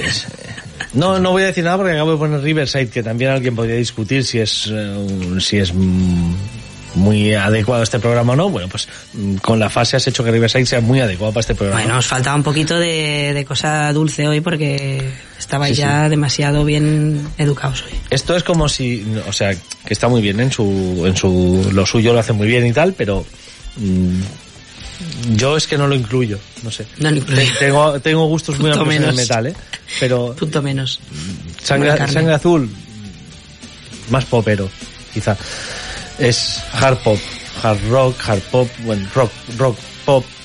Bueno. Rock duro. Es, bueno, muy duro tampoco. Hombre, duro, tampoco duro. muy duro. Duro porque son cachorros del norte, pero más allá de esto. Sería turrón de Gijona. esto. Hay mucha calidad ahí, hay mucha calidad, pero, pero, Ah, no, no, eso es innegable. No, no estamos discutiendo eso.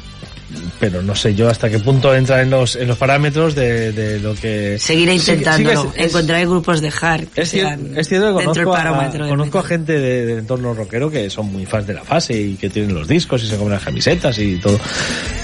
Pero es, es un grupo que me sigue flipando un poco por eso. el- es muy limítrofe. Eh, donde empieza el hard rock y donde acaba el pop rock. Y están ahí, están ahí en esa, en esa frontera. Eh, Dani. Voy a poner metal, esto, sí. Por favor. Eh, Sácanos mira, de aquí. Tony, a bocajarro, Tira. sin presentación. Dale. Hablamos después del tema. Hay que hacer un enjuague bucal inmediato.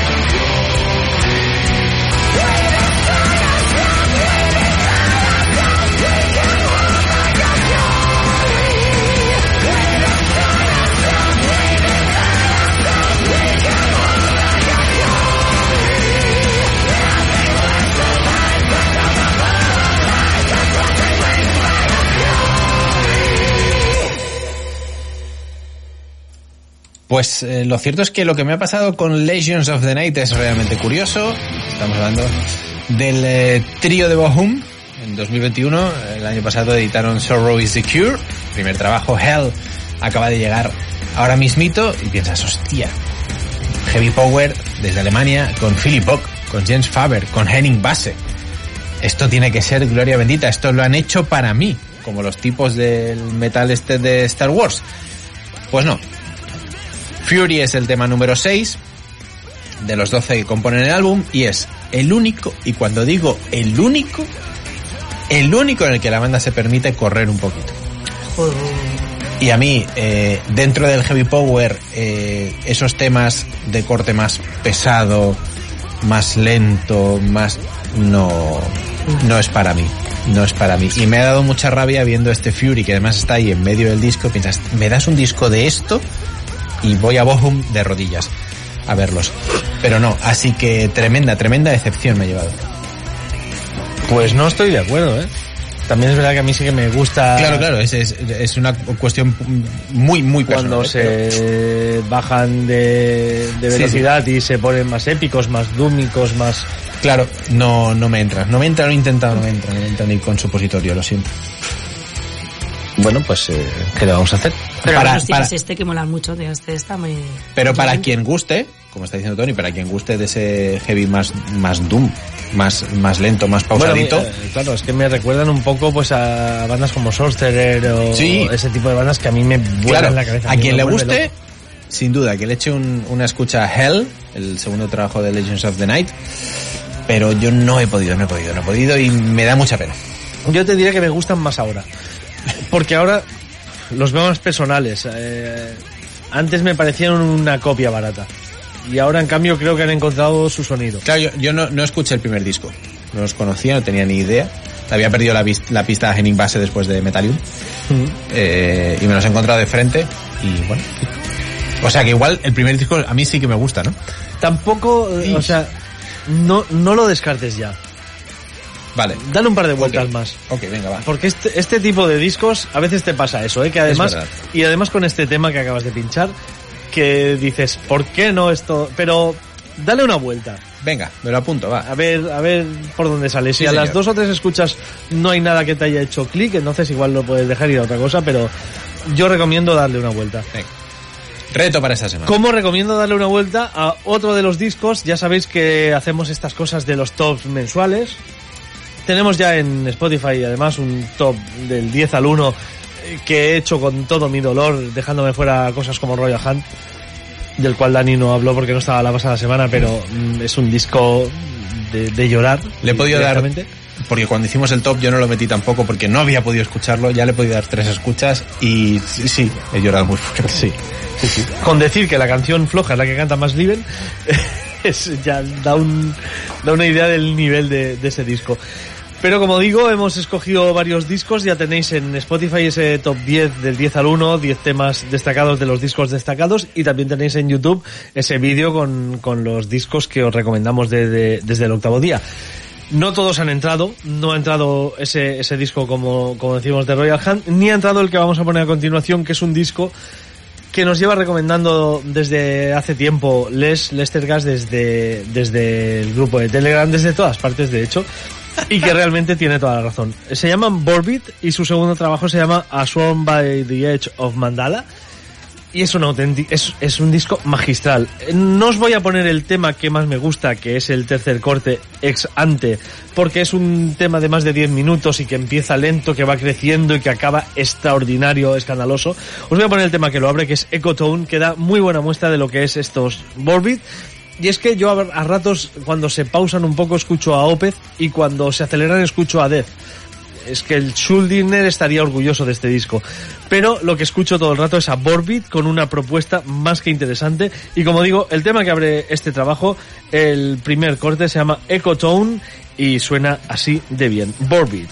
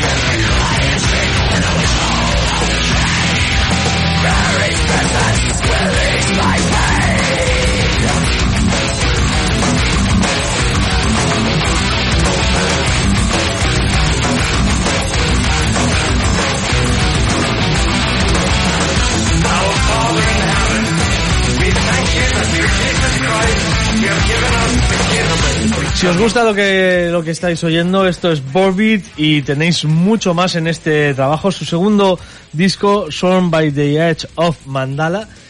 Borbit, empezado con V y con B después. Mm, Es una banda nada conocida con un nombre que hay que casi deletrear.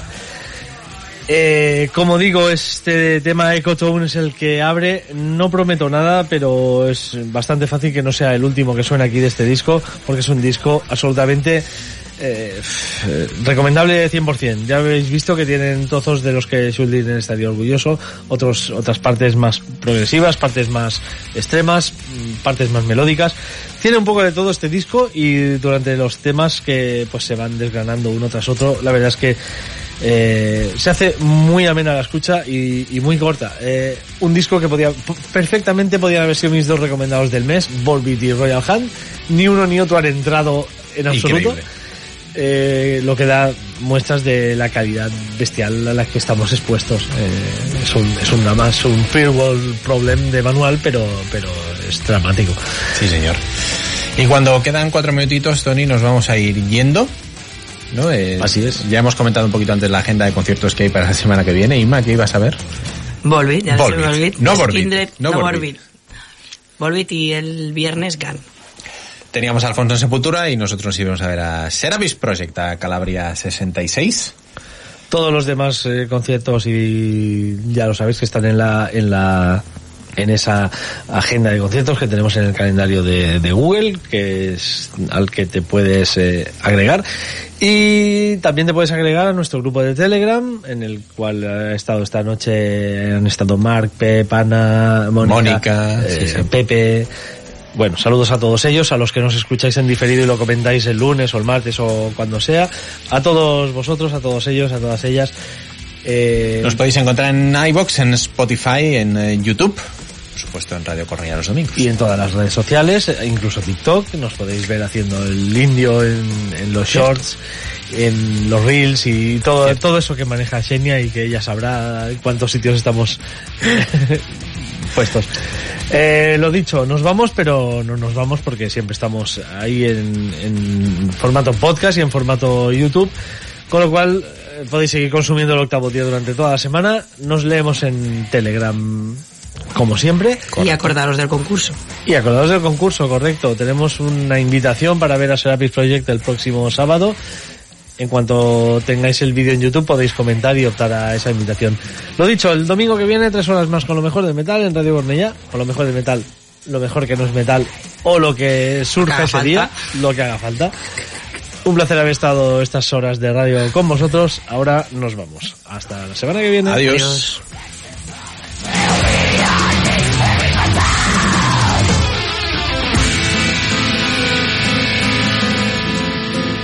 Hasta aquí el octavo día. Te esperamos el próximo programa con lo mejor del